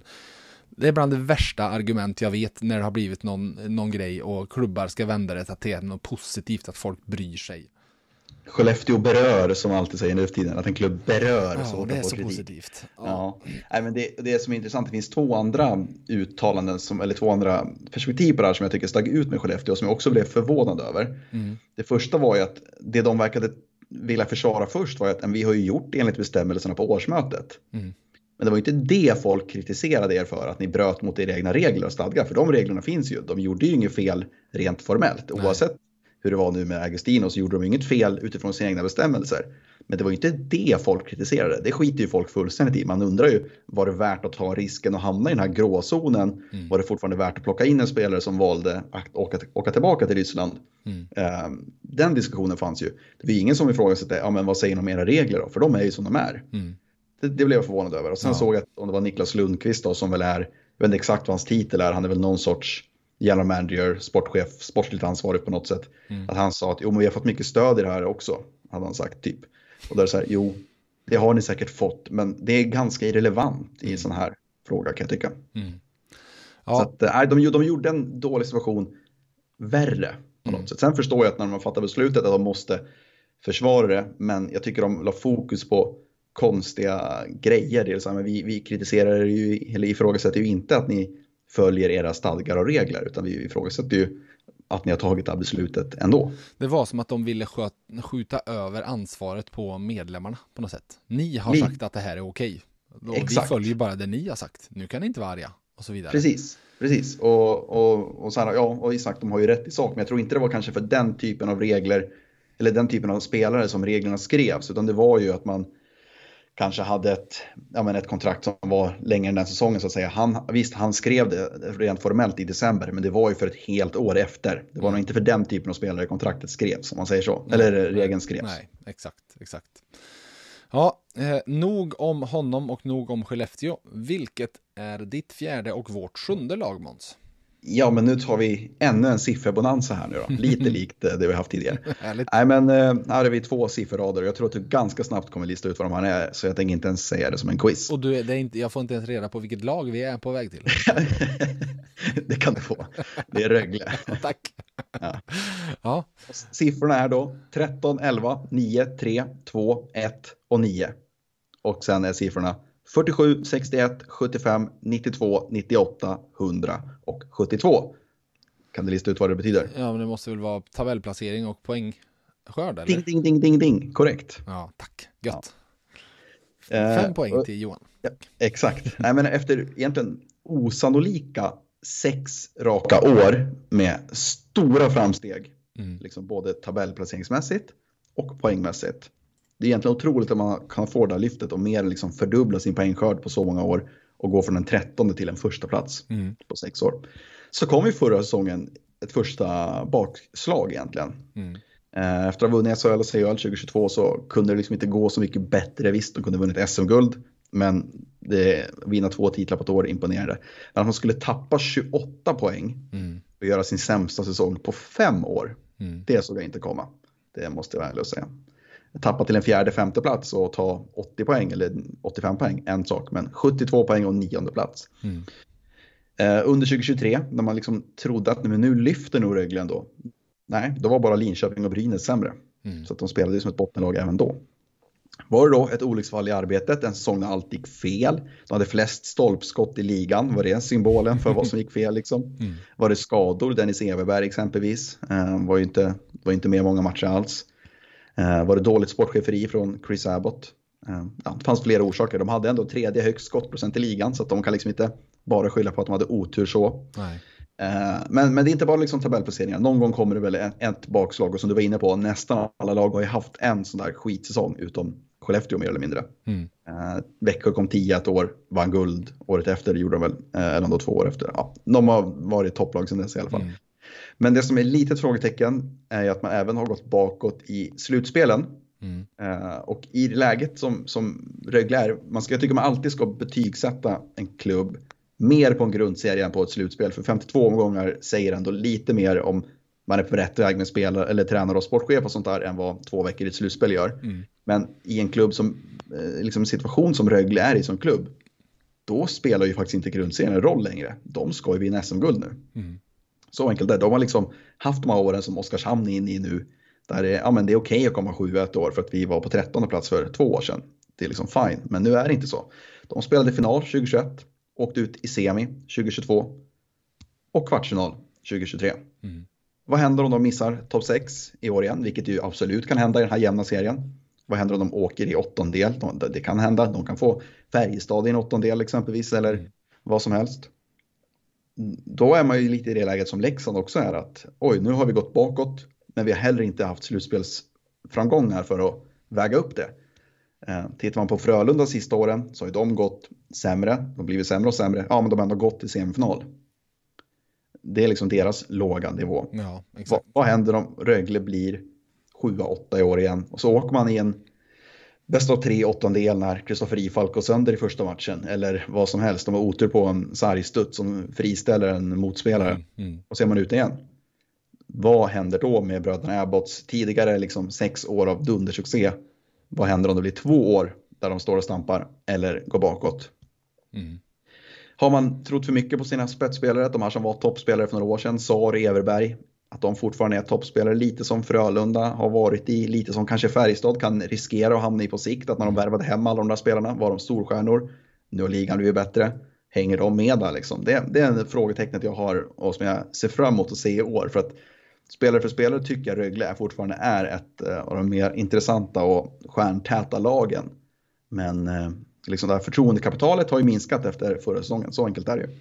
Ja, och om det skulle bli då att de känner att, ja, men, eh, ändra att bröderna själva känner att de vill sticka eller att klubben känner att nej, men nu behöver vi testa något annat. Nu har det mm. gått bakåt liksom. Det som varit fint med, med sättet de har, har haft det med en, en duo som sportchef tränare kan ju då faktiskt bli sin svaghet. Att du tappar inte bara tränaren, utan du tappar hela sportsliga ledningen. Liksom. Exakt. Du ska helt börja om på ny kula. Eh, så sätt. Sen finns det ju långa kontrakt att bygga på och så vidare. Men eh, ja, nej, för det, alltså, de har ju ögonen på sig. Jag har diskuterat tidigare under säsongen i podden om att det här lär vara ett av de dyrare lagbyggena någonsin mm. i SHL. Eh, att det är liksom, vi snackar inte hur många 200 spelare. Vi snackar på hur många över 250 upp mot 300 spelare som de har i det här lagbygget.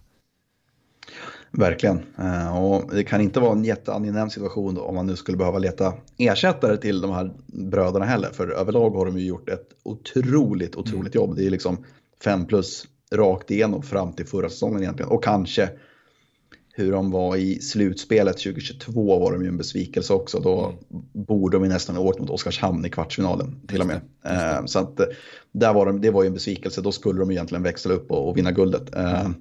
Men så därifrån egentligen från slutspelet 2022 och framåt så har de inte gått att känna igen riktigt. Så att ja, vi får se. Mm. Vad har du som utropstecken ändå då? Ja, men du, du gillar ju när man värvar spelare som kan landet och ligan och sen kanske drar den största nyttan av dem senare. Mm, det är väl mm. din favorittyp av uh, spelare. Mm, mm, yes. Uh, och då borde du ju egentligen älska Rögle. Uh, visst, de har gjort några unga spelare sista åren, typ Ljungman, Ternström, Niederbach, där de liksom har gått tokfel. Mm. De fick inte liksom, nytta av dem överhuvudtaget och nu är de i Hockeyallsvenskan, eh, Nidva, eller Nidvach var i Hockeyallsvenskan förra året, nu följer han ju med upp då. Men eh, de har liksom inte alls fått någon utväxling på dem och inte fått några NHL-pengar heller som de hade Nej. hoppats på. Eh, nu gjorde de en sån värvning till i år också då med, med Hällnemo, får se om de får någon nytta av honom. Mm. Eh, men mycket i deras framgång är ändå att de värvar spelare från andra svenska klubbar. Mm. Där räknar jag inte in typ Ted Brithén, Ludvig Claesson, Dennis Everberg, Daniel Saar som liksom varit med sedan juniortid eller... Eh, som är Rögle-killar, nej. Precis, och varit med när de till och med var nere i Hockeyallsvenskan. Det är inte de jag tänker på i första hand, även fast de har gått via HV eller NHL och allt vad det har varit, eller Malmö mm. i Sars fall. Men om man tänker så här, Kristoffer Ifalk, Mm. Slängde de på direkt efter han fått sitt genombrott med Oskarshamn. Mm. Michael Kapla som i mitt tycke är liksom en av SHLs bästa doldisar om man kan kalla honom för det. Mm. mm. Eh, från Skellefteå och Västervik. Jag tycker det är en, en av mina favoritbackar i SHL. Jag förstår fortfarande inte varför Skellefteå inte har kvar honom men det är en helt Nej, annan fråga. Lite, lite samma som Linus Högberg i år tycker jag om vi ska ja, prata ja. frågetecken till på Skellefteå. Varför spelar han i Frölunda? Mm. Eh, Ellen Ledsund heter de Mora ganska snabbt när han liksom börjat på, få ett genombrott. Johannes Johannesson är en sån i år. Adam Engström förra året, Brandon Davidson, lite Kapla-vibbar på ett sätt också, visst. Kanske inte lika bra, men fick inte plats i Färjestad eller vad det nu blev. Mm. Hamnar i Rögle. Uh, Anton Bengtsson hittar de i HV när han är precis färdig att slå igenom. Fredrik Olofsson var ju en sån som var klar. Och så nu i år också då Albin Sundsvik som ju såklart är nivån under, men också då Rodrigo Abols. Mm. Kollar vi senaste åren, Adam Edström, Oskar Ståhl Lyrenäs, Ludvig Larsson, William Wallinder. Det finns ju hur många som helst. Mm. Och Adam eh, Tambellini tror jag inte du har nämnt ens. Exakt, Adam Tambellini såklart. Jag missade honom i listan här. Eh, som kanske är det bästa exemplet. Ja, exakt. Eh, får man säga. Eh, samma som William Wallinder möjligtvis om man ser till per krona så att säga. Nej men i princip alla spetsspelare de har haft sen Abbots kom in i klubben är antingen fostrade i egna länder på något sätt och har kommit upp i den juniorverksamheten eller kommit tillbaka efter att ha varit borta några år. Eller så han värvade från en annan svensk klubb. Mm. Det blir en helt annan riskminimering om man gör den typen av värvningar. Jämför med kanske Oskarshamn som ju också haft en otrolig träffprocent. Men jämför med dem, kanske Malmö och kanske Linköping som i större del får titta på ja, men, kanske nordamerikaner i AHL eller från tyska ligan som ju, de har tittat mycket på på sista åren eller finska ligan. Alltså, mm. Det är ju betydligt större flopprisk på Taylor Lyer än vad det är på en Alan Tambellini eller på Rodrigo Abol som man säger så. Mm. Uh, risken floppa blir ju nästan minimal. Det är väl egentligen bara Kim Rosdahl som har floppat och det hade man ju lite på känn på något sätt att det inte skulle funka för honom i Rögle. Malmöpåg uh, och så vidare. Vad sa du? Malmöpåg och så vidare.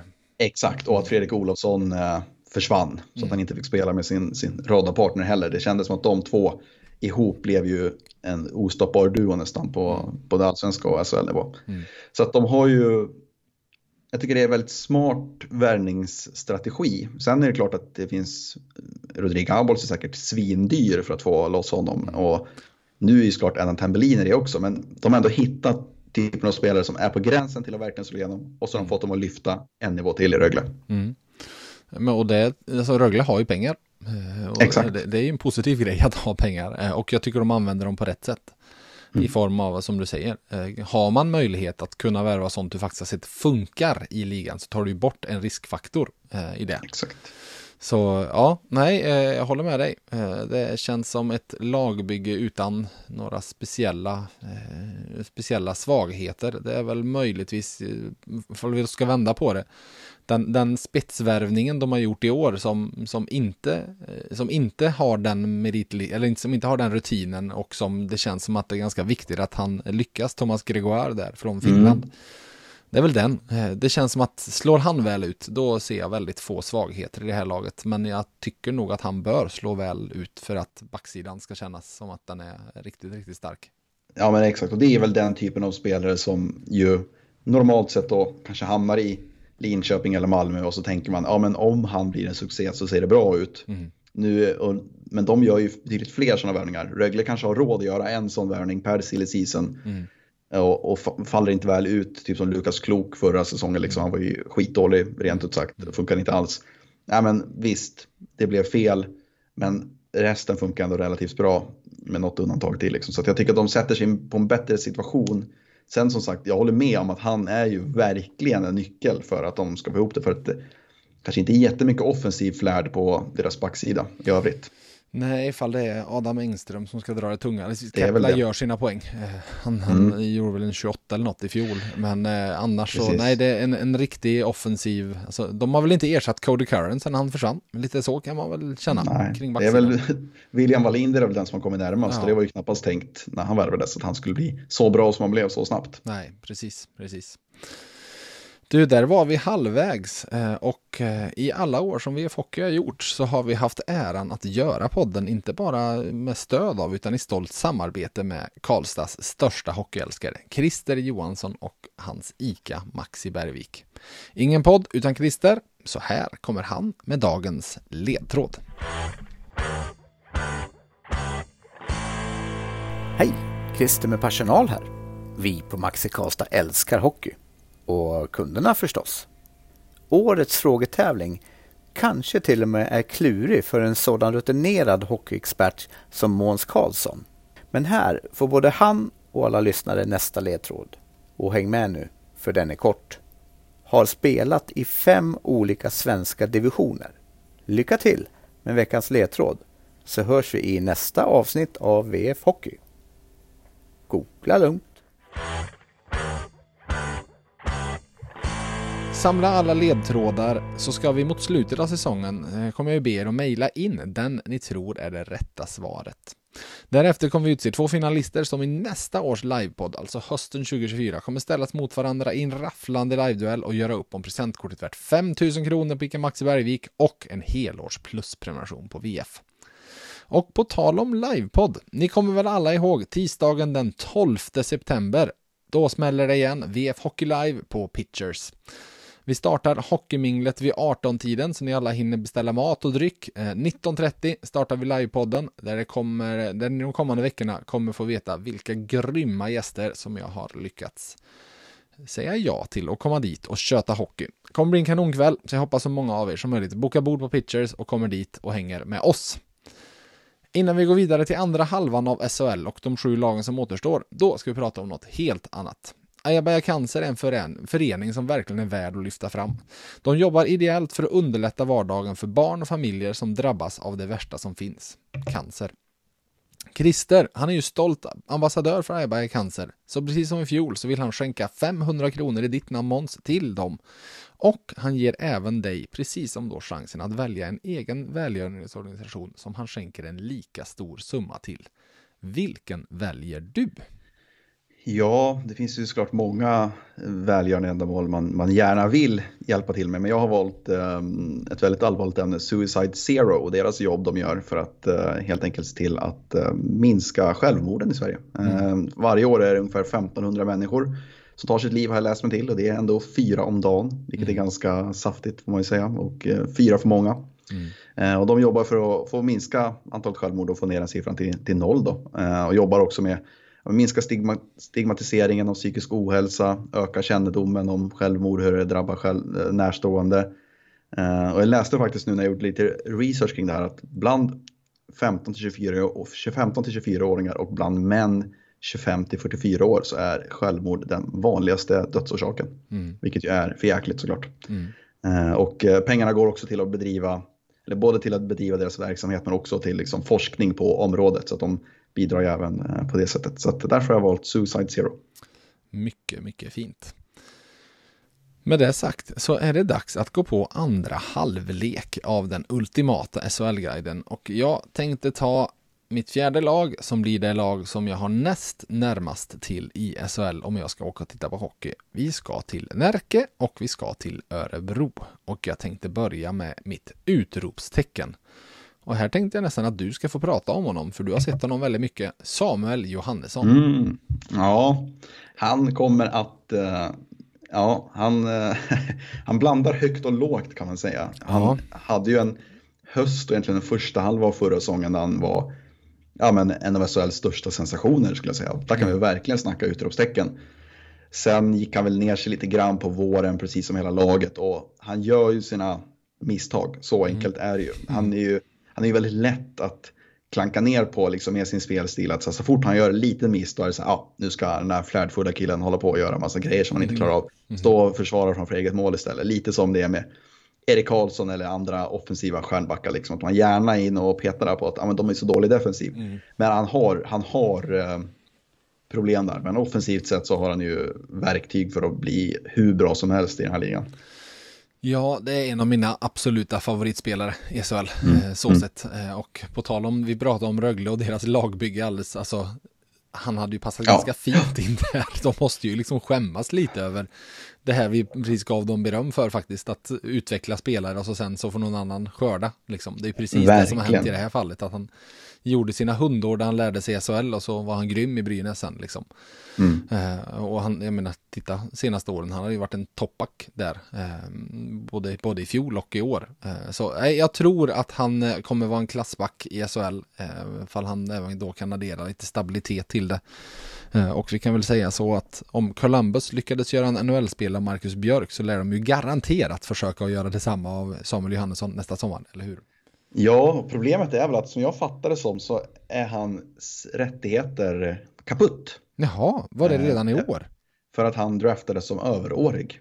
Eh, jag har ah. fått lite delade ah. meningar vad det är som gäller där. Men ah, okay från vilka jag har pratat med. De har sagt lite olika saker så att det verkar som att det är lite oklarheter kring det där. Men jag tror att det kan vara så. Mm -hmm. men med det sagt, de kan väl fortfarande signa honom ja, såklart. Men, men, då, då, finns det 31 andra klubbar också som kan signa Ja, jag, jag, jag, ska inte svära på att det är som jag har för jag har fått lite olika bud från olika. För det var ju snack om det redan förra, som, eller förra säsongen att han skulle till Columbus. Redan då fick jag höra lite att Ja, men undrar om de verkligen har rättigheten till honom. Jaha, okej. Men du, med Marcus Björk, hur, vad är mest överraskande? Att han fick NHL-kontrakt i fjol eller att han blev en NHL-spelare? ja, det är ju, ja, vad ska man säga, han kom ju tillbaka nu på den här svarta mot vita som Brynäs har varje år. Just det. När NHL-stjärnan kom tillbaka och han kom tillbaka som en av NHL-spelarna. Och det kunde jag inte med vildas fantasi någonsin tro att han skulle liksom bli en sån här som kommer hem och spelar uppvisningsmatch i Gävle på sommaren. Så mycket kan jag ju säga. Nej. Du, jag tänkte ta ett litet bonusutropstecken eh, på, på Örebro faktiskt. Eh, mm. För det är de vi ska prata om. Eh, Elias Ekström, jag tror väldigt få hade sagt hans namn på frågan vem gjorde flest poäng i SHL 22-23? Elias Ekström eller Leo Karlsson? Mm. Ja, det är sant. Han var en poäng fler, men att han liksom var upp på den nivån. Eh, så sett. Så nej, eh, ett, ett mini-utropstecken i form av att en spelare som har tagit kliv som jag tror många har missat de kliv han har tagit. Ja, men jag håller med. Jag vet att för något år sedan så var det lite samma sak med Linus Lindström i Skellefteå. Att han gjorde med typ 25 poäng fast ingen visste vem han var. Sen hade han ju en tyngre förra säsong såklart, där han knappt gjorde några poäng alls. Men det, jag får lite de vibbarna över Elias Ekström också, för jag tror att de flesta som tittar på en Simor eller TV4 Play-sändning, ursäkta, mm. eh, vet nog inte vem han är. Nej, och, och, ser hans namn i laguppställning och tänker, vad är det där för någon fjärdekedjespelare? Exakt, liksom. precis. Det finns lite för många Elias senaste åren. Ska vi säga att det är Elias-effekten som han drabbas av? det kan det vara ihop alla dessa Elias. Kan det vara så. Eh, på frågetecken, så ja, Samuel Johannesson, det är en riktigt fin värvning. Eh, Lekkerimäki från Djurgården, enorm potential. Eh, Axel Sundberg så, såg jag ju nu mot eh, Färjestad precis i Mariestad. Han såg spännande ut. Hannes Björnen vet vi precis vad han är. Det är en stabil center. Eh, men precis som när vi gjorde flippar och floppar så tycker jag det pratas ganska lite om det Örebro faktiskt tappat. Eh, tittar vi på topp 11 i poängligan, det gör man ju alltid, det är ju topp 11 som är standard. ja. Så mer än hälften har lämnat. Sex av 11 har lämnat om vi då räknar med Leo Karlsson. Vi får ju se hur det blir han. Eh, alltså, nu, jag läste Niklas Eriksson prata om att om han försvinner så ska de nog försöka ersätta honom och så vidare. Men jag säger lycka till för att hitta den kvaliteten för de pengarna. Eh, Nej, det är omöjligt såklart. Eh, så alltså likväl om man tittar på ren poängproduktion, de som ska in där då, topp 11 i poängligan, det är Ludvig Larsson, ja duktig spelare men liksom inte en poängkung. Glenn Gustafsson, duktig spelare men absolut ingen poängkung. Lekkerimäki som ja, vi får se. Det finns enorm potential, mm. men han gjorde inte mycket eh, väsen av sig i grundserien i allsvenskan, även fast han kom igång sen i slutspelet. Och sen Johannesson och Björnen som ju heller inte är någon poängspelare, hur stabil och duktig han än är. Eh, det krävs att, alltså de här som kommer in här, de kan inte bara göra ett bra jobb, det krävs faktiskt en hel del produktion av dem också. Eh, så där har jag väl lite min lilla frågetecken att Bromé är en sinnessjuk spets som är väldigt, väldigt duktig och det finns spelare men det är inte det är inte supermycket poängproduktion som, som känns garanterad, så kan jag säga. Nej, men jag kan hålla med där och samtidigt så känns det som att man har haft den tanken om Örebro tidigare också, att de ändå fått ihop det på något sätt. Att ja. något år var det Jonas Enroth som var grym. Um, och förra året, ja, Leo Karlsson fick ett genombrott, visst han var inte liksom toppspelare i SHL på det sättet. Men på något sätt har de ändå fått ihop det ändå, fast de inte haft de här stora namnen. Så vi får se om de lyckas med det även i år. Mm. Du får ett mini-frågetecken på, från mig också. Det är ett frågetecken på, för ena halvan, men inte för andra. För jag tror ju väldigt mycket på Johan Hedberg som tränare. Jag tror att det är en jättebra rekrytering. Men jag tror väldigt lite på att man ska ha varit duktig tränare och sen hamna som sportchef i samma klubb. Mm. Och finnas där som någon slags vakande hök som när som helst kan Eh, går det dåligt för Örebro, eh, säg att de skulle ligga 11 i, vid jul och det går kast liksom. Eh, och de känner, det, men ja, det är ju inte jättesvårt för Stefan Bengtzén att säga nej men du Niklas, vi tar dig som tränare igen. Va? Nej, så är det ju. Eh, det, det, det, man ska, det finns ju ett sånt exempel i närtid och det var ju Skugga Nilsson som ju petades uppåt från tränare till sportchef. Men han hade ju inga framgångar som tränare. Det nej. gick ju väldigt dåligt. Jag vet inte ens om han var kvar. Var han kvar en säsong? Då är det ju ännu bättre, då vet du vad då, du kan ju inte ersätta mig, du är ju kass som tränare. Exakt. liksom. jag tror att de tog in tog de in Petter Larsson Nilsson då? Var det året när han ja. fick sitt psykbryt där? Att det var då de hade gjort sig av med skuggan. Och sen kom i bulan. Mm. Så det var ju liksom bestämt på förhand på något sätt att så här blir det. Man är eh, och det var krattad för bulan att göra bättre ifrån sig. Kan det kan man väl lugnt säga. Det kan man lugnt säga. ja, nej, men så jag tror som sagt på Hedberg. Jag tror inte det kommer ske, men jag tror ganska lite. Jag blev väldigt förvånad över att det blir Niklas Eriksson som sportchef och jag Ja, nej, jag, jag, jag, tror inte på den delen av ekvationen i form av att, eller, det, det gäller att Hedberg levererar, så kan vi säga. Ja, framförallt när det var som det var nu, att de hade gjort klart med Hedberg innan de hade gjort klart med Niklas Eriksson. Tanken mm. var ju att Niklas Eriksson skulle bort från klubben. Mm. Ja, Visst, nej. nu är de två väldigt bra kompisar och de känner varandra sedan jättelång tid, så det kanske ändå kan förmildra på något sätt. Mm. Men det var ju inte Niklas, vi tror mer på dig som sportchef nu tar vi in Johan Hedberg som tränare, vad säger du om det? Nej. Utan det var, vi tar in Johan Hedberg som tränare, bort med dig, äh, vi hittar ingen annan sportchef, men du kanske kan ta det jobbet också. Mm. Så att det, det, jag vet inte, det känns som att det blir lite, som sagt, det som rädd, kan rädda dem är väl att de är bra kompisar sedan länge, men det blir lite kläggigt på något sätt ändå, att det kan, eller riskerar att bli lite kläggigt på något sätt ändå i alla fall alltså, ta dagarna efter när det kom ut där om att Hedberg skulle in och Eriksson skulle ut och så vidare. Eh, att man i det läget då skulle ha sagt att Niklas Eriksson kommer bli kvar i Örebro, han kommer bli eh, sportchef. Det är ju nästan Marcus Björk, NHL-spelare, osannolikt. Ja, liksom. Den nivån verkligen. är det ju faktiskt vi snackar. Ja, exakt. Yes, vilket är ditt femte lag Måns? Vi går till, eh, vi kan ta Malmö då. Mm. Som eh, klarade sig kvar med nöd och näppe får man väl ändå säga, även om det var ganska bekvämt i, i kvalet mot Brynäs så kändes de ju ända in till ja, mitten av februari kanske att det här laget kommer att åka ur. Mm. Sen hände det något. Mm. Eh, framförallt så fick de ett 50-procentigt powerplay sista tio matcherna på säsongen. det är ju inte dumt. Nej, det blev inte, inte dumt. Och sen så blev, gick ju Adam Werner från att vara SHLs kanske sämsta målvakt till en av SHLs bästa målvakter. Mm. Får man ändå säga. Och det var ju det som räddade dem. Eh, sen imponerades jag också av att de hade sån lugn, det var sånt lugn i klubben fast de låg på vippen att åka ur. Det får jag säga var imponerande. Mm. Och det känns ju lite lugnare nu än vad det gjort de senaste åren och då kommer vi in lite grann på mitt frågetecken och jag känner för lite som de vibbarna som jag även fick kring Brynäs då just inför förra säsongen. Att man kände att ja, men nu har de satt en ledarstab de tror på. De, han har fått värva in de spelarna han vill, vill. Nu är det helt plötsligt mycket lugnare i klubben jämfört med bara något år sedan. Mm. Men de hade fortfarande lekt med elden några år och sen sket det sig liksom. Eh, för att tala klarspråk. Mm. Eh, och Malmö har ju kommit 9, 12 och 14 de senaste tre åren. Så de har fortfarande, det är märkligt att det känns så lugnt i klubben. Med tanke på att de ändå kom sist förra året och låg sist från någon gång typ 8 och framåt mm. i princip. Uh, ja, de har ett yngre och mer spännande lag i år. De har gjort sig av med några, med Carl Söderberg, bröderna Westerholm, Bröderna Silvergård för all del. Ja, exakt. Lens Bauma. Mm. Um, de har gjort, jag tycker de har gjort sig av med rätt spelare, möjligtvis med undantag för Marcus Silvergård då, såklart, mm. som de gärna hade behållit. Uh, och i en stängd liga så hade det sett ganska bra ut för dem. För det mm. finns en utvecklingspotential. Mm. Det får man ändå säga. De hade kunnat komma sist ett år till, lite som man tänker i NHL. Sen ska man börja liksom skörda. nu är jag ändå tveksam. Har de verkligen gjort tillräckligt mycket? Eh, målvaktssidan är detsamma som förra året.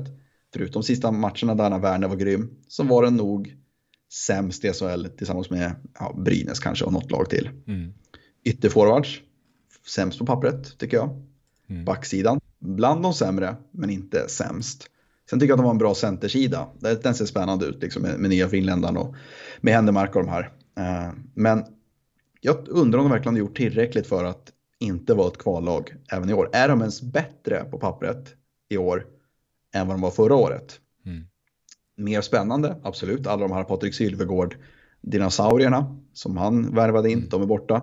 De har värvat in den här spännande Galvars, de här nya finska spelarna som kommer ta bärande roller. Lite annan profil på värvningarna i år, eller väldigt annan profil på värvningarna i år jämfört med tidigare. Och det mm. gillar jag verkligen. Alltså Björn Liljander, Liljander känns ju som att han är, har ett titta hockey på ett annat sätt än vad Patrik Silvergård gjorde mm. och eh, allt sånt där. Men har de gjort tillräckligt för att inte vara ett lag i den absoluta botten även i år?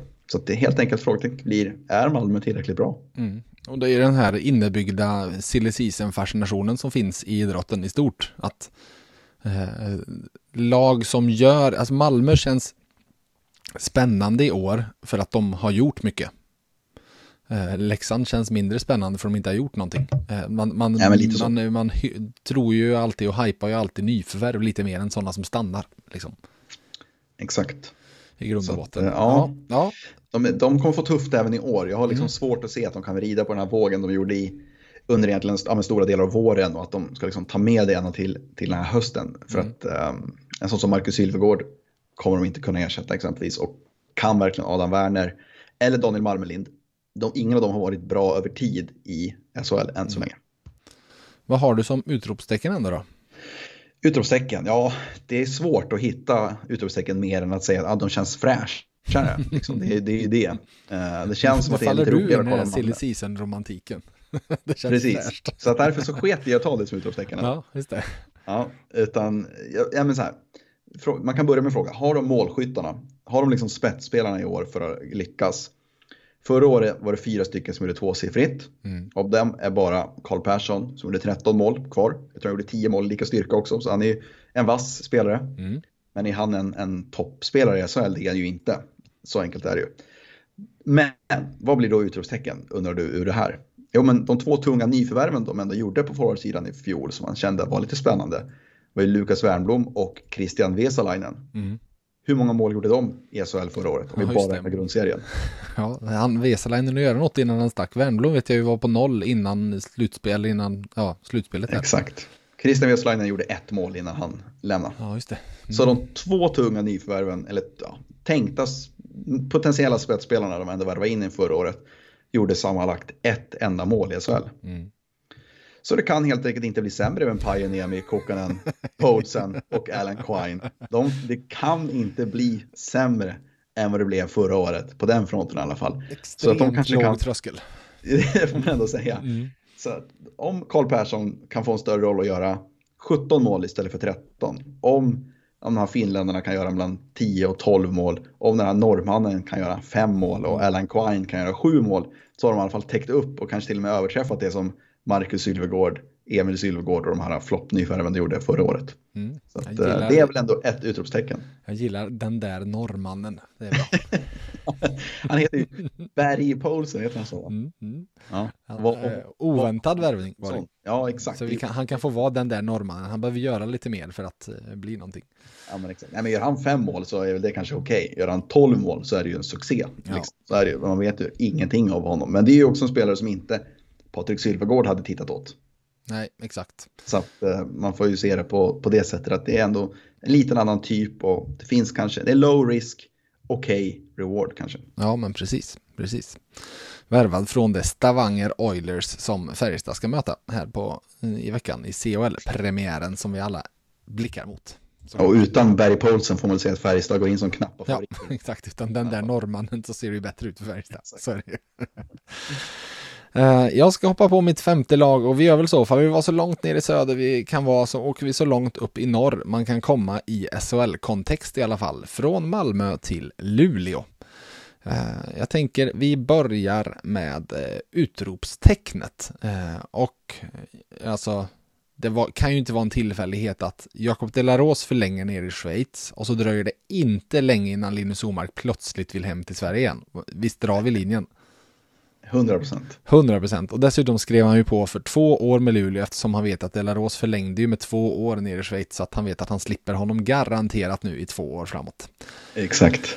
Skämt åsido, väldigt, väldigt roligt att Linus Omark är tillbaka i SHL eh, igen. Eh, han är ju, ja, det finns ju några sådana här spelare, jag, jag diskuterade det här med någon eh, nyligen om att, att, hur man faktiskt ska njuta av, eller det var väl Sanny i podden, eh, där vi pratade om att man faktiskt ska njuta av att få se Joakim Nygård spela hockey vecka ut och vecka in, för att det är en njutning och samma sak är det ju faktiskt att se Linus Omark spela hockey, eh, att det är en njutning.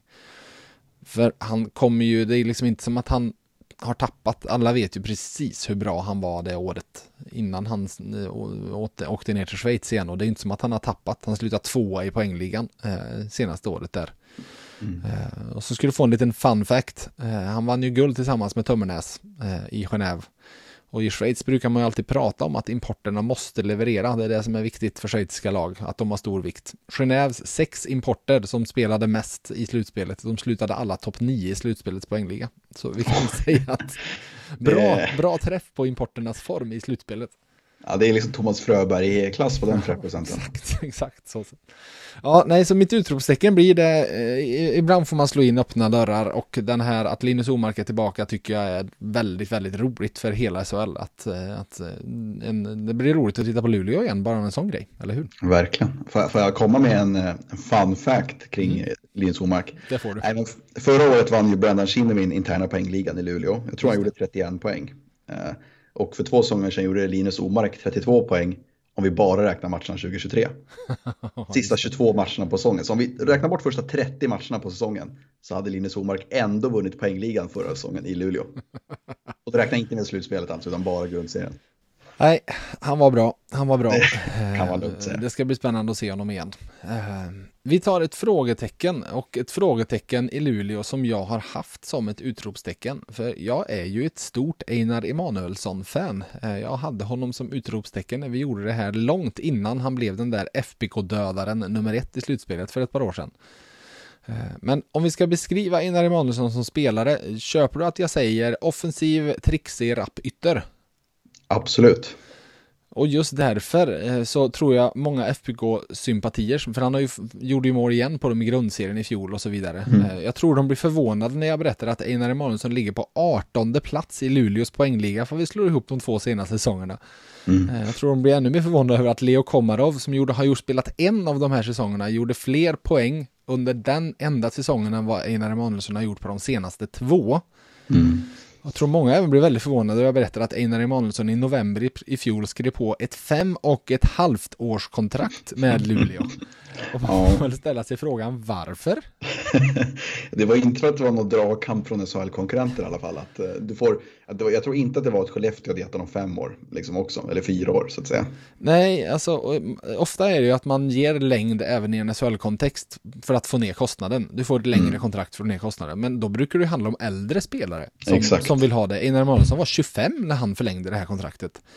Eh, så ja, vet du, jag hoppas inte att någon gör något fult eller eh, och så vidare. Men jag hoppas att Einar Emanuelsson blir avstängd i vinter. För jag är väldigt, väldigt nyfiken på vilken lön han har på sitt femårskontrakt. Ja, du tänker så du. Ja.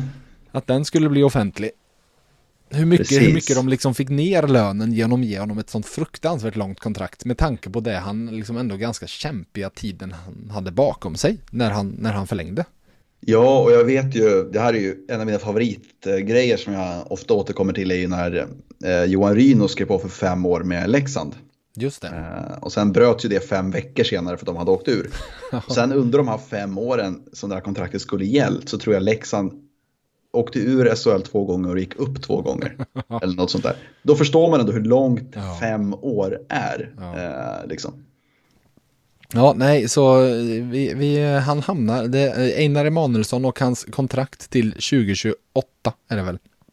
Eh, mm. landar på mitt frågetecken i Luleå för att jag förstår helt enkelt inte riktigt varför. Alltså hade de förlängt med, han är ju, eh, han är ju en publikfavorit. Herregud, jublet när han gjorde mål där i finalserien eh, när, när jag var uppe i Luleå. Det är bland det högsta måljubel jag har hört i hela mitt liv. Så jag fattar ju att det finns en, en sån publikfavoritfaktor i honom.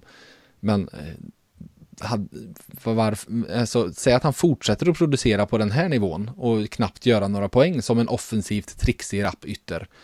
Eh, hade han inte accepterat ett tvåårskontrakt är frågan jag ställer mig. Mm, alltså, exakt. Varför behöva ge honom fem år i det läget? Eh, så ja, det med klar med Luleå. Ja, men du vet, jag har ett mini-utropstecken förresten.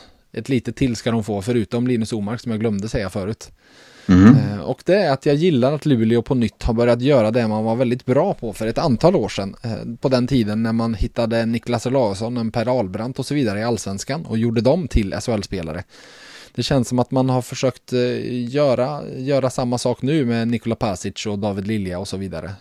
Mm. Ja, för, för Pasic och Liljas skull så hoppas jag att Luleå minns läxan som man gjorde då att när man värvar offensiva spelare från allsvenskan så måste man ge dem offensiva roller även i SHL. Att de inte fastnar med åtta minuter i fjärde kedjan för att Bulan inte tycker han kan lita på dem. Utan Nej, man vill ju att de ska få Pontus Andreasson-rollen då liksom. Ja. Uh, och sätt dem med Linus Omark eller något liknande liksom. Låt dem flyga. Låt dem flyga. Precis. Jag tror ju faktiskt att David Lilja kan bli årets Pontus Andreasson i SHL. Mm, mm. Inte att han kanske, kanske inte att han får NHL-kontrakt direkt, liksom, men att han ändå kan bli den här som överraskar positivt och gör 30 poäng direkt. Mm. Vad gör David Liljas syster är quizet nu? Oj, oj, oj, pass. Hon är fotbollsspelare i damallsvenskan för Djurgården. Ja, där mm. ser man. Det fick du en, en, en, ny fun fact. Det är bara en massa fun facts vi bjuder på här idag. Exakt, exakt. Ditt sjätte lag, vilket är det? Ja, men då kör vi Färjestad nu då. Mm. Det är dags. Nu har vi hållit, hållit, låtit folk vänta länge nog. Ja, men exakt. Och det finns så mycket att säga här också. Så att, nej, men det, det var faktiskt ganska svårt att hitta frågetecken i Färjestad. Det har ju varit mycket snack om, inte framförallt från mig, så det är väl kanske bara jag som har det frågetecken. Nej, men att kärnan börjar bli lite äldre, att det kanske är samma sak där som det har varit i Frölunda, att någon gång kommer man behöva ta tuffa beslut. Jag tycker den här diskussionen du och Sanny var det väl som hade om, om Lillis exempelvis. Vad ska man göra med en sån spelare? Mm. Uh, finns det en risk att han om några år blir sämre? Nej, men i hans fall kanske det går och han kommer göra sina poäng i powerplay. Man kanske inte hamnar i samma fack som Frölunda gjorde med Johan Sundström eller Patrik Karlsson och så vidare. Att, så här, det, nu har vi de här spelarna fast vi inte vill ha dem längre. Mm. Det, det är ju ett litet frågetecken. Men eh, jag tycker också, det som är intressant för Färjestad förra året var ju att så här, den enes döden alldeles bröd och tvärtom. Mm. Att det, var ju, det var ju väldigt mycket skador förra året. Det pratades det om väldigt mycket. Mm. Uh, och då så Axel Bergqvist, Mattias Göransson, August Thornberg, till och med Kalle Odelius när han var där. Liksom fick ta större roller, gjorde det bättre än förväntat. Marcus Westfeldt var ju också en sån som jag har sett mycket tidigare och han jag trodde inte han någonsin skulle kunna bli mer än en fjärde center som gör liksom 3 plus 5 på en SHL-säsong och gör det bra där. Men han var bättre förra året än jag trodde han någonsin skulle bli i SHL exempelvis. Mm. Och så Oskar Lavner och Lukas Forsell som ju alla känner till såklart som ju var jättebra, tog stora kliv eh, förra året. Och det är ju mångt och mycket, det är ganska många av de här spelarna nu som i princip har byggt en SHL-karriär på den här förra säsongen. Att nu vet man ju att mm. ja, men så här, Lukas Forsell, han behöver nog inte titta i allsvenskan på när hans kontrakt går ut eller kanske man kanske inte behöver skicka ner någon av de här spelarna till Finland eller Tyskland utan de kanske får spela nu i SHL några år till och det kanske till och med kan bli lite hugg sexan när kontrakt går ut och så vidare för att man har ju sett att de klarar ju av att ta större roller. Mm. Uh, och då är det frågan, kan man hitta de spelarna även i år? Liam Ögren, Jonathan Andersson, de här, kan de också ta större roller om det behövs? Men det som är min konklusion av allt det här nu då, mm.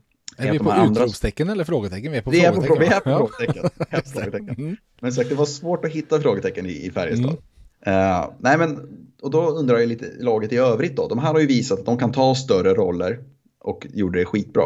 Men i övrigt, om man kollar på de här etablerade stjärnorna, så undrar jag, är namnen flashigare än vad kvaliteten ändå är? Mm. Om jag tittar och kollar på Färjestads lag och tänker hur många i det här är topp 10 i SHL på varje position? Mm. Joakim Nygård såklart, han är topp 10 ytterforward, inget snack. Topp 5, kanske topp 3. Mm. Du kanske säger, ja, Linus Johansson då? Ja, han gjorde ett mål tror jag i lika styrka förra säsongen. Ja. Är man en topp 10-center i SHL då? Kanske, men har man verkligen det sista? Karl Dahlström får vi se, han kanske är en topp 10-back i SHL, han kanske kommer in som Erik Gustafsson gjorde efter mm. sina år. Det var också var så här, ja men hur bra är han egentligen? Ja, han visade sig vara bäst i SHL när han kom tillbaka. Mm. Det kanske blir så. Uh, inför förra året hade jag nog haft Joel Kjellman som en topp 10-center i hela SHL, men uh, ja, är han där? Mikael Lindqvist, är han fortfarande en topp 10-forward i serien? Jag vet inte. Nej. Uh, man får ju hoppas att någon av dem är det, att, att den här Tjecken som du pratar upp väldigt mycket, Thomas Tjeck, att han också är liksom en topp, topp spelare i SHL. Då har man ju en centersida och en centerspets som är fortfarande riktigt, riktigt vass liksom. Så att Färjestad har ju kanske flest bra SHL-spelare i, i sin trupp i hela ligan. Mm. Alltså, även de längst ner i lagbygget är fortfarande spelare som går in på sex backar och tolv forwards i förmodligen alla andra lag. Ja, du har väldigt få två plus-spelare. Liksom. Precis, Eh, precis. Det, det, tre är nästan botten. Precis, och det är så här, ja men platsar, hur, hur ska de få in Lavner och Forsell i laget när alla är skadefria? Och Peppe Lund in på 12? Alltså det, den typen av frågeställningar behöver ju Färjestad Mm. fråga sig, det kanske inte andra lag behöver. Men jag tänker ändå, är namnen på de tänkta toppspelarna lite flashigare, lite större, att de också värvades in på de här långa kontrakten när SHL var lite sämre än vad den är idag. Mm. Är de fortfarande toppspelarna? Ja, Joakim Nygård är det, är de andra det? Det är Mm. tveksamt. Mm. Mm. Nej, högst, högst rimlig invändning. Eh, absolut, Mm. jag har i- ingenting att säga emot. Ah, trevligt. Mm. Du är ändå den som kan mest om, om klubben i, eller laget i, i Sverige kanske. Så det ser jag som positivt. Vad har du som utropstecken då? På utropstecken, Det har du redan teasat om eller? det är ju en målvakt. Ja. Det är ju Carl Lindbom. Jag sagt, jag satte en trea på honom i betyg till skillnad från dig och, och Sandy som väl båda satte fyra va? ja, men det gjorde vi. Ja. Eh, Och det är ju möjligt. Vi försökte båda, båda eh, sätta den andra på plats med fyra. Ja, exakt. hoppades båda bara, nej men du, det är han klar fyra. Ja, men exakt. Ja. Och det är ju mycket, mycket möjligt att Carl Lindbom är en femma. Ja. Ja, ja, Det är troligare att han är en femma än att han är en tvåa, om man säger så. ja, ingen skulle bli förvånad om han är med i Tre Kronors VM-trupp i vår, till exempel. Eh, Och där förstörde du min Förlåt. jag skulle säga så här. Jag säger att det är 50-50 att han tas ut i VM-truppen. Ja, ja, Jag tror om, om han liksom inte är tillräckligt bra för att första målvakt i Färjestad, nej men då tas han såklart inte ut. nej. Men är han första målvakt i Färjestad och kanske tar dem till en semifinal åtminstone. Då tror jag inte Sam Hallam skulle ens tveka att våga ta ut dem i VM-trupp. Nej, och han, han, du kan ju även ha honom i den här tredje målvaktsrollen.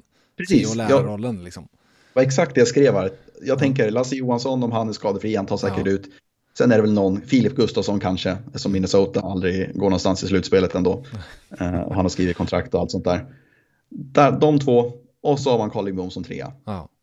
Jag skulle säga ja, men 50-50 att, han, mm. att han är en, en VM-målare. Kanske inte på speltid, men att han tas ut i VM-truppen. Mm. Eh, De har sett, eh, men Sverige har gjort, jobbat lite grann så tidigare. Jag tror Johan Gustafsson var med i VM något år. Jakob Markström var med som väldigt ung. Anders Lindbäck var med något år som väldigt ung. Alltså det, man kan kosta på sig att göra det.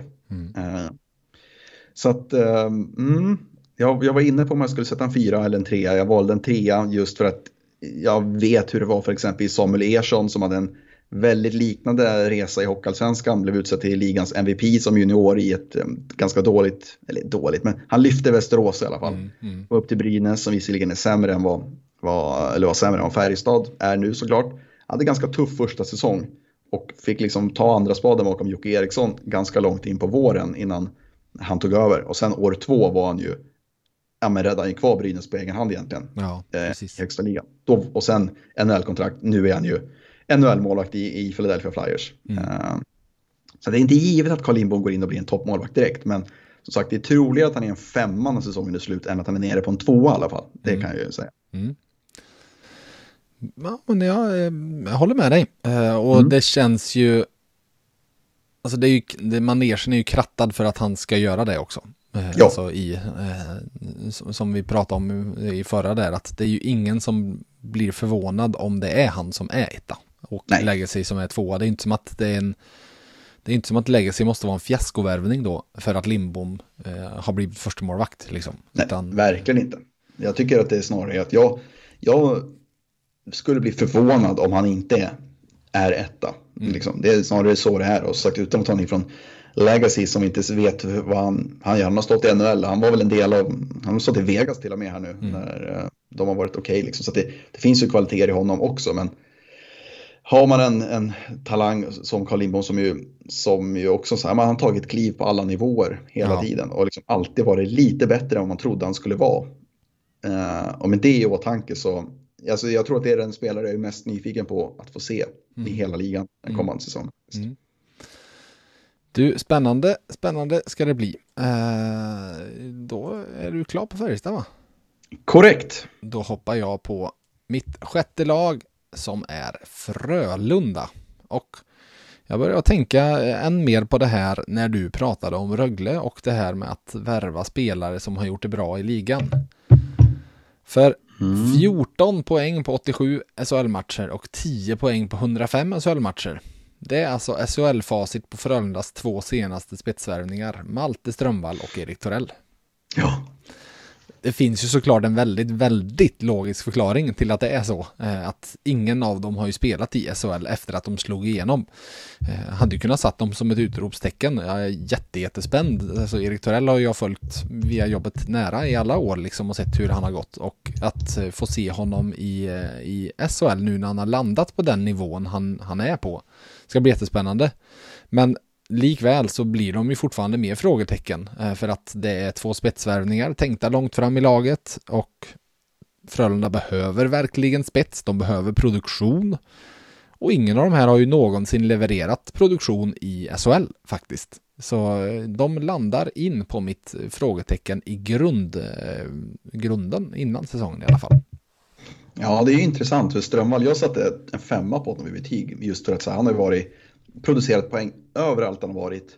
Förutom utom i SHL. Exakt, det är liksom enda ligan han inte har liksom erövrat inom citattecken än så länge. Nej. Det ska bli sjukt spännande att se honom vad han kan göra. Mm. Ehm, för man tänker rent logiskt, han borde kunna vara åtminstone en Jesper Fredén. Mm. De är ändå lite, påminner lite grann om varandra och han var ju ändå en 20 målskytt och 40 poängspelare när han lämnade svensk hockey. Så någonstans där räknar, eller kräver nästan att Strömvall ska komma också för att det ska vara en bra värvning. Ja, ja, och alltså det här jag ska säga att det, jag har inte dragit in de här som några floppvärvningar. Det är verkligen inte det argumentet jag är ute efter, utan bara att de har faktiskt aldrig levererat just i SHL, även fast det är två svenska spelare och det sticker ju ut lite i, i den kontexten faktiskt, att det är spetsvärvningar, de är svenskar och de har spelat i SHL eh, 200 matcher ihop, men gjort 24 poäng på de där 200 matcherna. Så ja, där eh, har vi dem. Eh, På utropstecken eh, så ska jag avslöja att jag har en liten crush på en Frölunda-spelare för jag är vansinnigt förtjust i Filip Hasa.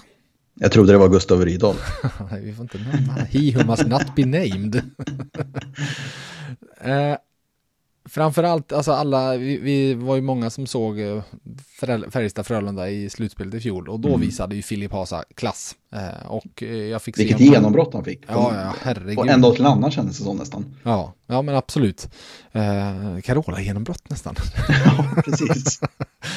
Men Alltså, och jag fick se honom nu i Strömstad och det finns ingenting som tyder på att han inte ska fortsätta på det. Eh, nu ska jag väl lägga in en brasklapp. Jag har även för några år sedan sett Mattias Norlinder i Strömstad och var helt säker på att han skulle göra minst 40 poäng efter vad han gjorde där då. Så eh, var grym i Strömstad Hockey Classic är inte garanti till att vara i SHL. Men eh, nej, Filip Hasa tar jag som mitt utropstecken. Eh, i, utropste- eh, I övrigt så är jag mest spänd på att se vad eh, Frölundas unga löften, fall de verkligen får chansen nu. Eh, För alltså tittar vi, ja Rasmus Dahlin han fick sannoliken spela och Lukas Reimann fick spela och Simon Edvidsson fick spela. Men alltså ser vi till talanger på nivån strax under blivande NHL Superstars så är ju Frölunda ganska dåliga på att få dem att faktiskt blomma i, i egen klubb. Ja. Ja, och det, jag tycker man nästan ska räkna in Lucas Raymond där också, sett till att han ändå Ja. är en av världens bästa spelare i sin ålderskull. Och att han inte liksom fick det där stenhårda förtroendet. Nej, det fick han inte. heller. det fick Nej. han inte. Jag satt och tittade på poängligan i Frölundas J20-lag senaste fem åren och tittade på NHL-draftade spelare där. Mm. Då får man ändå ett kvitto på att det är riktigt stora löften. Det är inte bara att de har gjort lite poäng i J20 utan NHL-klubbar har trott på dem. Och Ludvig Persson, Liam Dove Nilsson, eh, Joel Ratkovic Berntsson, Theodor Niederbach, eh, en back, Hugo Gabrielsson, spelar väl typ Västervik eller något sånt var han i nu. Stämmer. Daniel Stämmer. Torgersson, Karl Henriksson, alltså alla är NHL-draftade Frölunda-fostrade spelare som i de flesta fallen öst in poäng i J20 men sen inte blivit etablerade A-lagsspelare. Nej, och det är väl det man får hoppas att som sagt det finns utrymme för nu när man ändå har börjat våga klippa banden med några av de här spelarna som man har liksom hållit fast vid så förtvivlat i så många år. Att nu har de börjat våga fatta de besluten. Och en sån som David Edström, som man jag antar att han uttalas. Det är, det är verkligen så. Det berättade när jag kommenterade Frölunda då, där så slog Johanna Dahlén fast för mig att det verkligen ska vara Ed, ja, eller Edström ska du väl egentligen Edström. säga. Ja, Får det amerikanska. Det är väl- Det är ett hemskt, hemskt, hemskt namn. Ja, men fortsätt. Ja, han, eh, han gjorde väl 11 matcher tror jag i SHL förra året och han tycker jag redan då visat som fasen, han håller ju i SHL. Mm. Och kollar man på Frölunda centersida i år, det är han som inte får nämna sin namn, Mm. som är liksom den givna första centern. Sen Erik Borg, Mm. Niklas Lasu Mm. eller Edström. Mm. Nej, men de har ju verkligen Där möjligheten verkligen att lucka för dem. ja, köra honom som andra center liksom. Det, exakt. Eh, Det är ju han, Otto Stenberg och Noah Dover Nilsson som är väl de liksom som står och bankar på dörren. Eh, Alltså den enda av, för att titta liksom fem, sex senaste åren, det är ju Elmer Söderblom som är den enda under NHL Superstars-kategorin som faktiskt tagit klivet och blivit en, en etablerad etablerad producerande SHL-spelare. Vissa av de här som jag nämnde förut har ju spelat en del, alltså Karl Henriksson och så vidare, men det var ju inte som att han blev etablerad och bärande spelare på SHL-nivå eh, innan han stack över till Rangers organisation. Så. Nej, och jag, och jag minns att även med Elmer då, jag tror att han spelade typ 12 mest av alla Frölundas forwards Mm. i snitt i tid. Så han gjorde ju otroligt mycket på, på väldigt lite. Så att det, risk, det hade ju funnits en risk att han också hamnar i det här facket, att han gör 3 plus 4 liksom. Mm. Men han lyckades ju ändå göra upp mot 20 mål var det väl. Mm. Eh, så att, eh, ja. Du, vi är framme vid ditt sista lag och jag hoppas att du har HV71 här, för annars så har vi gjort bort oss. Nej då, jag har HV71. Ja, Skönt. Och jag börjar med ett utropstecken. Mm. Så får jag avsluta med att vara grinig sen. Eh, det gillar jag ju. Nej men här är en, en personlig favorit är tillbaka i SHL. Och det är Bobby Nardella. Mm. En spelare jag verkligen gillar när han var i eh, Djurgården. Eh, han har väldigt fina underliggande siffror i ett väldigt dassigt lag. Eh, har ju gett Jesper Pettersson förmodligen ett jättefint kontrakt i Linköping också. För de spelade ihop och Pettersson det. gjorde ju sitt livs säsong då. Eh, liksom. Så att, eh, det är bara att gratulera. Nej, men jag tycker att Nardella är lite Ryan Gunderson light. Liksom. Mm. Eh, och den här spelartypen som är perfekt för att göra en, en sjuhelsikes karriär i Europa. Mm. Eh, som inte kommer spela i NHL. Ryan Gunderson har ju varit en av Europas bästa backar sedan ja, men första säsongen i Brynäs egentligen. Det är han 2011. som blev det vi trodde David Rundblad skulle bli, alla Europas Petri Numelin. Och så Ja, exakt, ja, men lite så är det ju. Och Mm.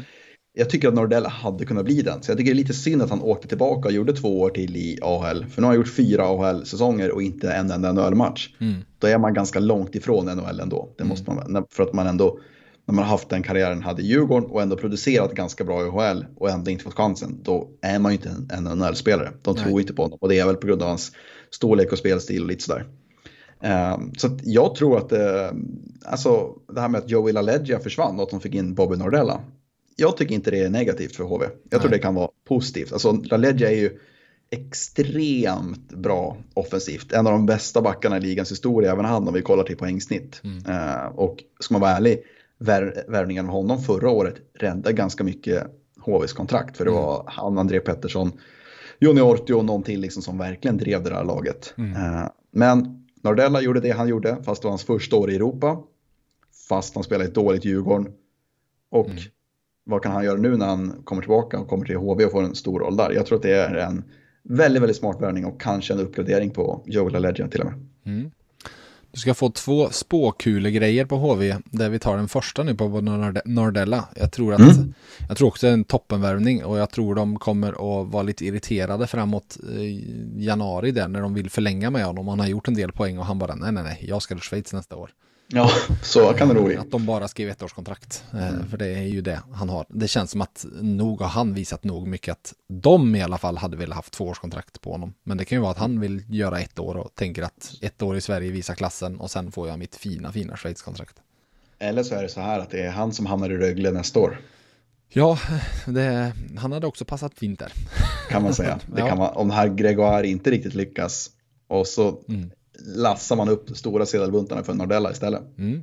Ska du ta Kanske. ditt eh, frågetecken? Ja, eh, jag var inne på Johnny Ortio. Mm.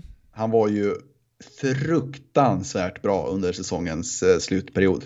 Alltså fruktansvärt bra. Eh, jag minns när eh, Simon Brännström heter han var på um, Hockeylabbet var i studion i Simor eh, Mm. någon gång och sa liksom att det här är inte hållbart. Alltså han är flera procentenheter över vad som är normalt.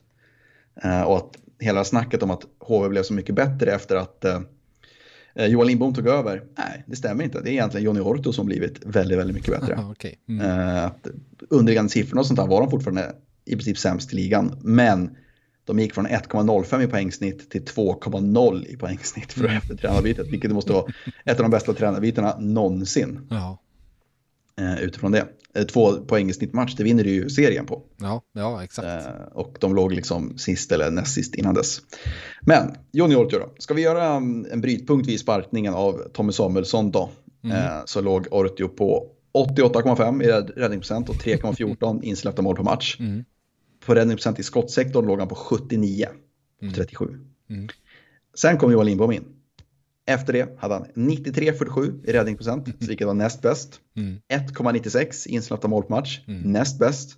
89,7 i skottsektorn, alltså 10 procentenheter bättre, Mm. vilket var tredje bäst. Mm. De hade en PDO den här perioden på 104. Corsin så var de fortfarande ett bottenlag. Mm. Och då är ju frågan då, är det här verkligen en sågning? Ja men Ja, du har hyllat mycket för att det ska vara en sågning. vi Exakt. säga. Nej, men hur mycket ska vi gå på de sista, vad det nu var, 15-20 matcherna på året? Och hur mycket ska det gå på de första när han var sämre statistiskt än Jonas Gunnarsson? Tommy Samuelsson fortsätter ju spela Ortio med liksom en dåres envishet. Mm. Vilket kanske var det som kostade honom jobbet i slutändan. För att han var inte bra, Ortio. Gunnarsson var bättre. Mm. Eh, Men de hade liksom bestämt sig, Ortio är vår etta. Han- Ja. Och sen fick eh, Lindbom betalt för det och övriga lag, men inte Tommy Samuelsson. Så att jag undrar, är Johnny Ortio sådär bra över en hel säsong? För den nivån han höll efter coachbytet, den nivån kommer han inte hålla. Och då är ju frågan, hur bra var egentligen HV? Mm. Och hur bra var Johnny Ortio? Mm. Hur Hur, mycket- hur, mycket, hur bra formtopp hade han? Exakt. Mm. Och så här, André, André Pettersson var ju också en sån, han var ju sagolikt bra också. Det känns ju mer trovärdigt att han kan vara så bra. Mm. För det tror jag är en toppspelare när han får vara skadefri och allt sånt där liksom. Men eh, hur bra är Johnny Ortio över en hel säsong? Hur mycket byggde HV på att han var så bra? Och nu kommer Thomas Montén in och ska stabilisera det här spelet. Ja, jag tror att det blir en tuff säsong för HV även i år. Mm. Mm. Vet du min andra HV-spaning, spåkulespaning på HV? Det är nästan Nej. så att vi har pratat ihop oss. För det har med Ja. målvakt att göra. Att de värvar eh, Nej, jag ger dig, Erik Källgren. Nej, jag ger dig HVs målvakt från 24, säsongen 24-25 framåt. Oj, oj, ja, nu lyssnar jag noga här. Mm. Hur tusan ska Skellefteå lyckas förlänga med Linus Söderström efter den här säsongen? Mm, ja. Gustav Lindvall har kontrakt till 2026. Han har ju en första målvaktslön. Mm. Fortsätter Linus Söderström och prestera på den nivån han gjorde i Skellefteå. Nu är Lindvall skadad även fortfarande va, så vi får väl se lite vad som händer där. Men kommer han bara tillbaka liksom? Eh, Alltså fortsätter Söderström att prestera på den nivån han gjorde, då vill han ha en första målvaktslön i nästa kontrakt. Det är ju ingen snack om saken. Nej, absolut. Han var ju, ja, Varsågod HV71. Det hade väl varit en ypperlig lösning eh, att eh, få tillbaka honom till klubben och så vidare. Vill du ha eh, en annan potentiell HV-målvakt säsongen 24 framåt? Ja, Erik Källgren har du redan sagt. Ja, exakt. Nej, faktiskt inte han. Jag tänkte bara att du har ju, det har ju pratats mycket om honom till vilken, till alla SHL-klubbar känns som sista tiden här. Nej, men eh, Hugo Alnefelt. Ja, just det. Alltså om man tänker vilka, nu har ju Tampa plockat in som ni känner till i Värmland ett par målvakter för nästa säsong. De har värvat allt som fanns i Färjestad. Exakt. Mm. Nej, men det är, och eh, han har ju faktiskt utgående kontrakt Alnefelt. Och om man liksom inte får ett jättegenombrott i år så är det ju inte givet att han får en fortsättning. Nej. Eh, Och vara kvar och vara andra målvakt i AHL, det ger ju inte så mycket heller. Så att eh, han skulle kunna vara en, en målvakt för HV. Eller varför inte att han blir Skellefteå då? Ja, precis. precis. Ja, men, det, nej, men för det känns ju som att Linus Söderströms nästa kontrakt ska ju upp i lön. Framförallt. Ja, det är det alltså, jag han bygger ju- allt det här. Alltså fortsätter han att vara på den här nivån, då snackar vi ju att han kommer kräva 200 plus. Ja, men han var ju SHLs bästa målvakt mm. förra säsongen, liksom by far. Och jag menar, jag. där någonstans får vi väl gissa att Skellefteå, alltså när Gustav Lindvall skrev sitt långa kontrakt, då var det ju liksom nobba KHL och så vidare. Det var ju mm. det som var narrativet kring honom. Så att vi får väl gissa att han nästan är uppe på de siffrorna också. Och jag menar, Absolut. pytsa ut 400 000 i månaden på målvakter, det känns det ju inte som att Skellefteå kommer att göra. Nej, det är ju inte hållbart på något sätt. Ehm, så nej, det är en ganska bra spaning där. Det är mm. väl om, eh, om Söderström får i Europa någonstans då. Att mm. han får i Schweiz, liksom. det är väl det. Ja. För så här, han, har, han är ju inte lastgammal än, så det är väl möjligt att han kan få ett NHL-kontrakt mm. också. Men uh, vill han vara liksom en solklar etta i en klubb uh, i Europa så är väl uh, HV71 alldeles utmärkt. Mm. Fjortonde och sista lag ut. Då åker vi till Östergötland och till Linköping. Eh, och vi får väl berömma Linköping för deras enorma jämnhet. 67 poäng, 65 poäng, 62 poäng, 69 poäng och 67 poäng. Sju poängs skillnad de senaste fem säsongerna, det är ju sinnessjukt.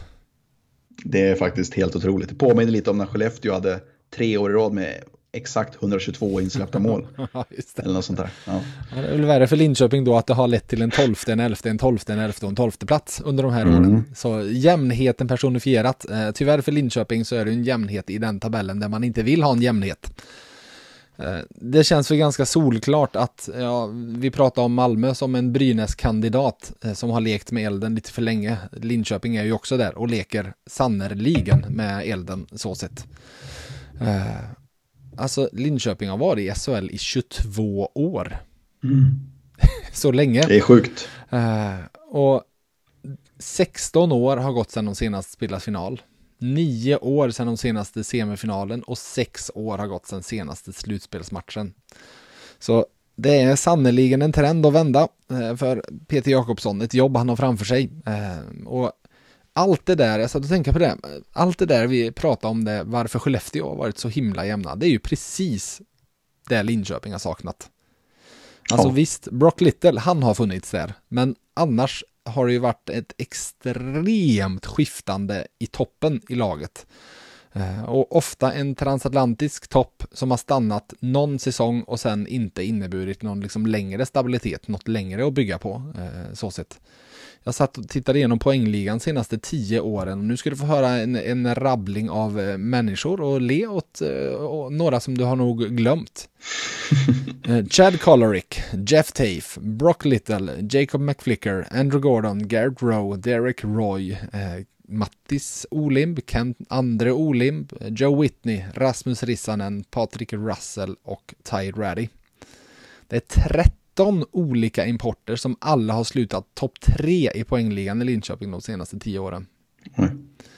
Det är sannoliken ett persongalleri som har passerat så sett och det sätter väl fingret ganska mycket på vad som har varit Linköpings problem och varför, varför det har sett ut som det har gjort under den här perioden. Varför det är nio år sedan senaste semifinalen och varför det är sex år sedan senaste slutspelsmatchen. Ja, det kan man väl lugnt uh, säga.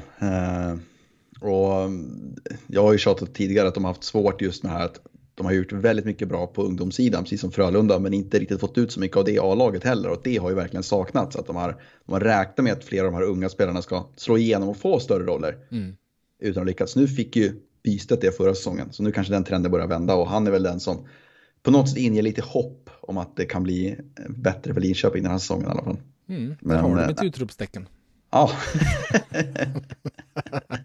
aj, aj, aj, aj. Nej, men alltså, ja, men just Filip Bystedt, han är en av mina absoluta favoriter. Jag är svag för unga, så kraftfulla spelare. Eh, ja, jag han är, liksom, med den storleken och så vidare. Gjorde 7 plus 13 förra säsongen och borde ju lätt kunna komma upp i 30 poäng om de ger honom förtroendet som topp 2-center. Liksom. Mm. Och det måste de. Jag, jag har svårt att se att det finns två center, ens en center som är bättre än vad han är om jag ska Nej, nej, precis. Uh, så sett. Och uh, tillsammans med Mattias Hävelid på backen och Jonathan Myrenberg och så vidare där och Fabian Wagner kanske till viss del framåt. Är det äntligen dags för Linköping att ge talangerna chansen? Ja, det är det. det. Det känns som att det blir mitt, mitt utropstecken. För att det där är ju som du sa, det är ju förklaringen till det jag nämnde ovan, till alla dessa ja. importer som det har snurrat. Att de har ju varit, som du säger, framgångsrika på juniorsidan i många, många år, men har varit väldigt dåliga på att få dem att faktiskt bli något sen. Eh, De har liksom inte haft de här att det har likt Skellefteå dykt upp lite hemvändare lite då och då som inte riktigt platsar i Nordamerika och sticker hem, utan det har ju inte kommit några sådana. Eh, utan då det, istället landar det då på att du betalar de här 300 000 plus på Marcus Ljung för att du så desperat måste få någon att bli din snarare än Exakt. att din finns liksom. Eh, och skapa en, alltså Oskar Fantenberg och så vidare. Du får skapa en koppling till ort och klubb snarare än att det finns en given där från början. Eh, Marcus. Högberg undantaget får man ju säga. Ja, han är ju det. Han är ju det. Ja. Och det är väl han kanske som ger dem lite hopp. Du nämnde Mm. inte honom som VM-målvakt, men han skulle ju mycket väl också kunna vara en VM-målvakt. Och det är ju liksom det är väl inget, det, var, det är inte svårt. Jag vet inte om du har haft Linköping i sammanställningarna, men de har ju en femma i mål, så sett. Han eh, var ju framförallt väldigt bra för två säsonger sedan. Mm. Eh, förra, året var han lite, förra året var han sämre och laget var inte heller klockrent. Så att, eh, men jag har ju svårt att se att det ska vara något permanent. Liksom, utan han, jag räknar med att han studsar tillbaka och är en av ligans bästa målvakter i, i år igen. Mm. Och jag räknar med att du nu drar in en tia när det har blivit dags för oss att tävla. Oj, oj, oj. Ja, jag hade Oskar Lang på åttan tror jag. Ja. Men, men Leo Karlsson däremot, då var jag nog nere på fyran. Jag var inne på Henrik Neubauer länge där. Tror jag tagit en riktig fuling. För han är väl också värmlänning? det? Absolut, uppe Och från spelade. VM och, Mm, mm. och spelade och nämnde massa namn Just där. det. tänkte jag, ja men det, de spelar väl säkert i Västervik nu då, de där importerna. Och så fick jag inte ihop det. Det hade varit roligt om jag hade dragit till med Henrik Neubauer på Sunny. Då hade han blivit vansinnig. Man är liksom utgår från att det är en värmlänning som spelar VM. Och så man är och så är det en österrikare liksom. Mm. Så jag trodde du hade gjort det. Så jag var inne och snurrade på honom ett tag där. Ja, ja. Men Ja. då har du gjort bättre ifrån det än både Sanny och Svensson. Då är det ju tydligt att du är den riktiga poddkungen. Upp till bevis nu med andra ord. Ja, exakt. Mm. Jag, ska inte, jag, jag har sagt för mycket redan nu känner jag. Exakt, du har satt onödig press på dig själv. Vad är Precis. det här? Exakt. Är du redo så ska vi ta och tävla. Ja, jag är redo. På 10 poäng. Svensk hockeys huvudperson i augusti tar dig halva vägen. Svensk hockeys guldperson i våras hjälper dig hela vägen fram. Svensk hockeys guldperson, sa du det? Mm, I våras hjälper dig hela vägen fram. Svensk hockeys guldperson i våras. Nej, jag får nog eh, ta åttan här. Mm. Är 48 år, men snarare motsatsen till gammal och sliten. Porträtterades nästan av Ryan Gosling och har enligt namnet en pappa som är dumsnut, toker, pajas om du så vill. Okej.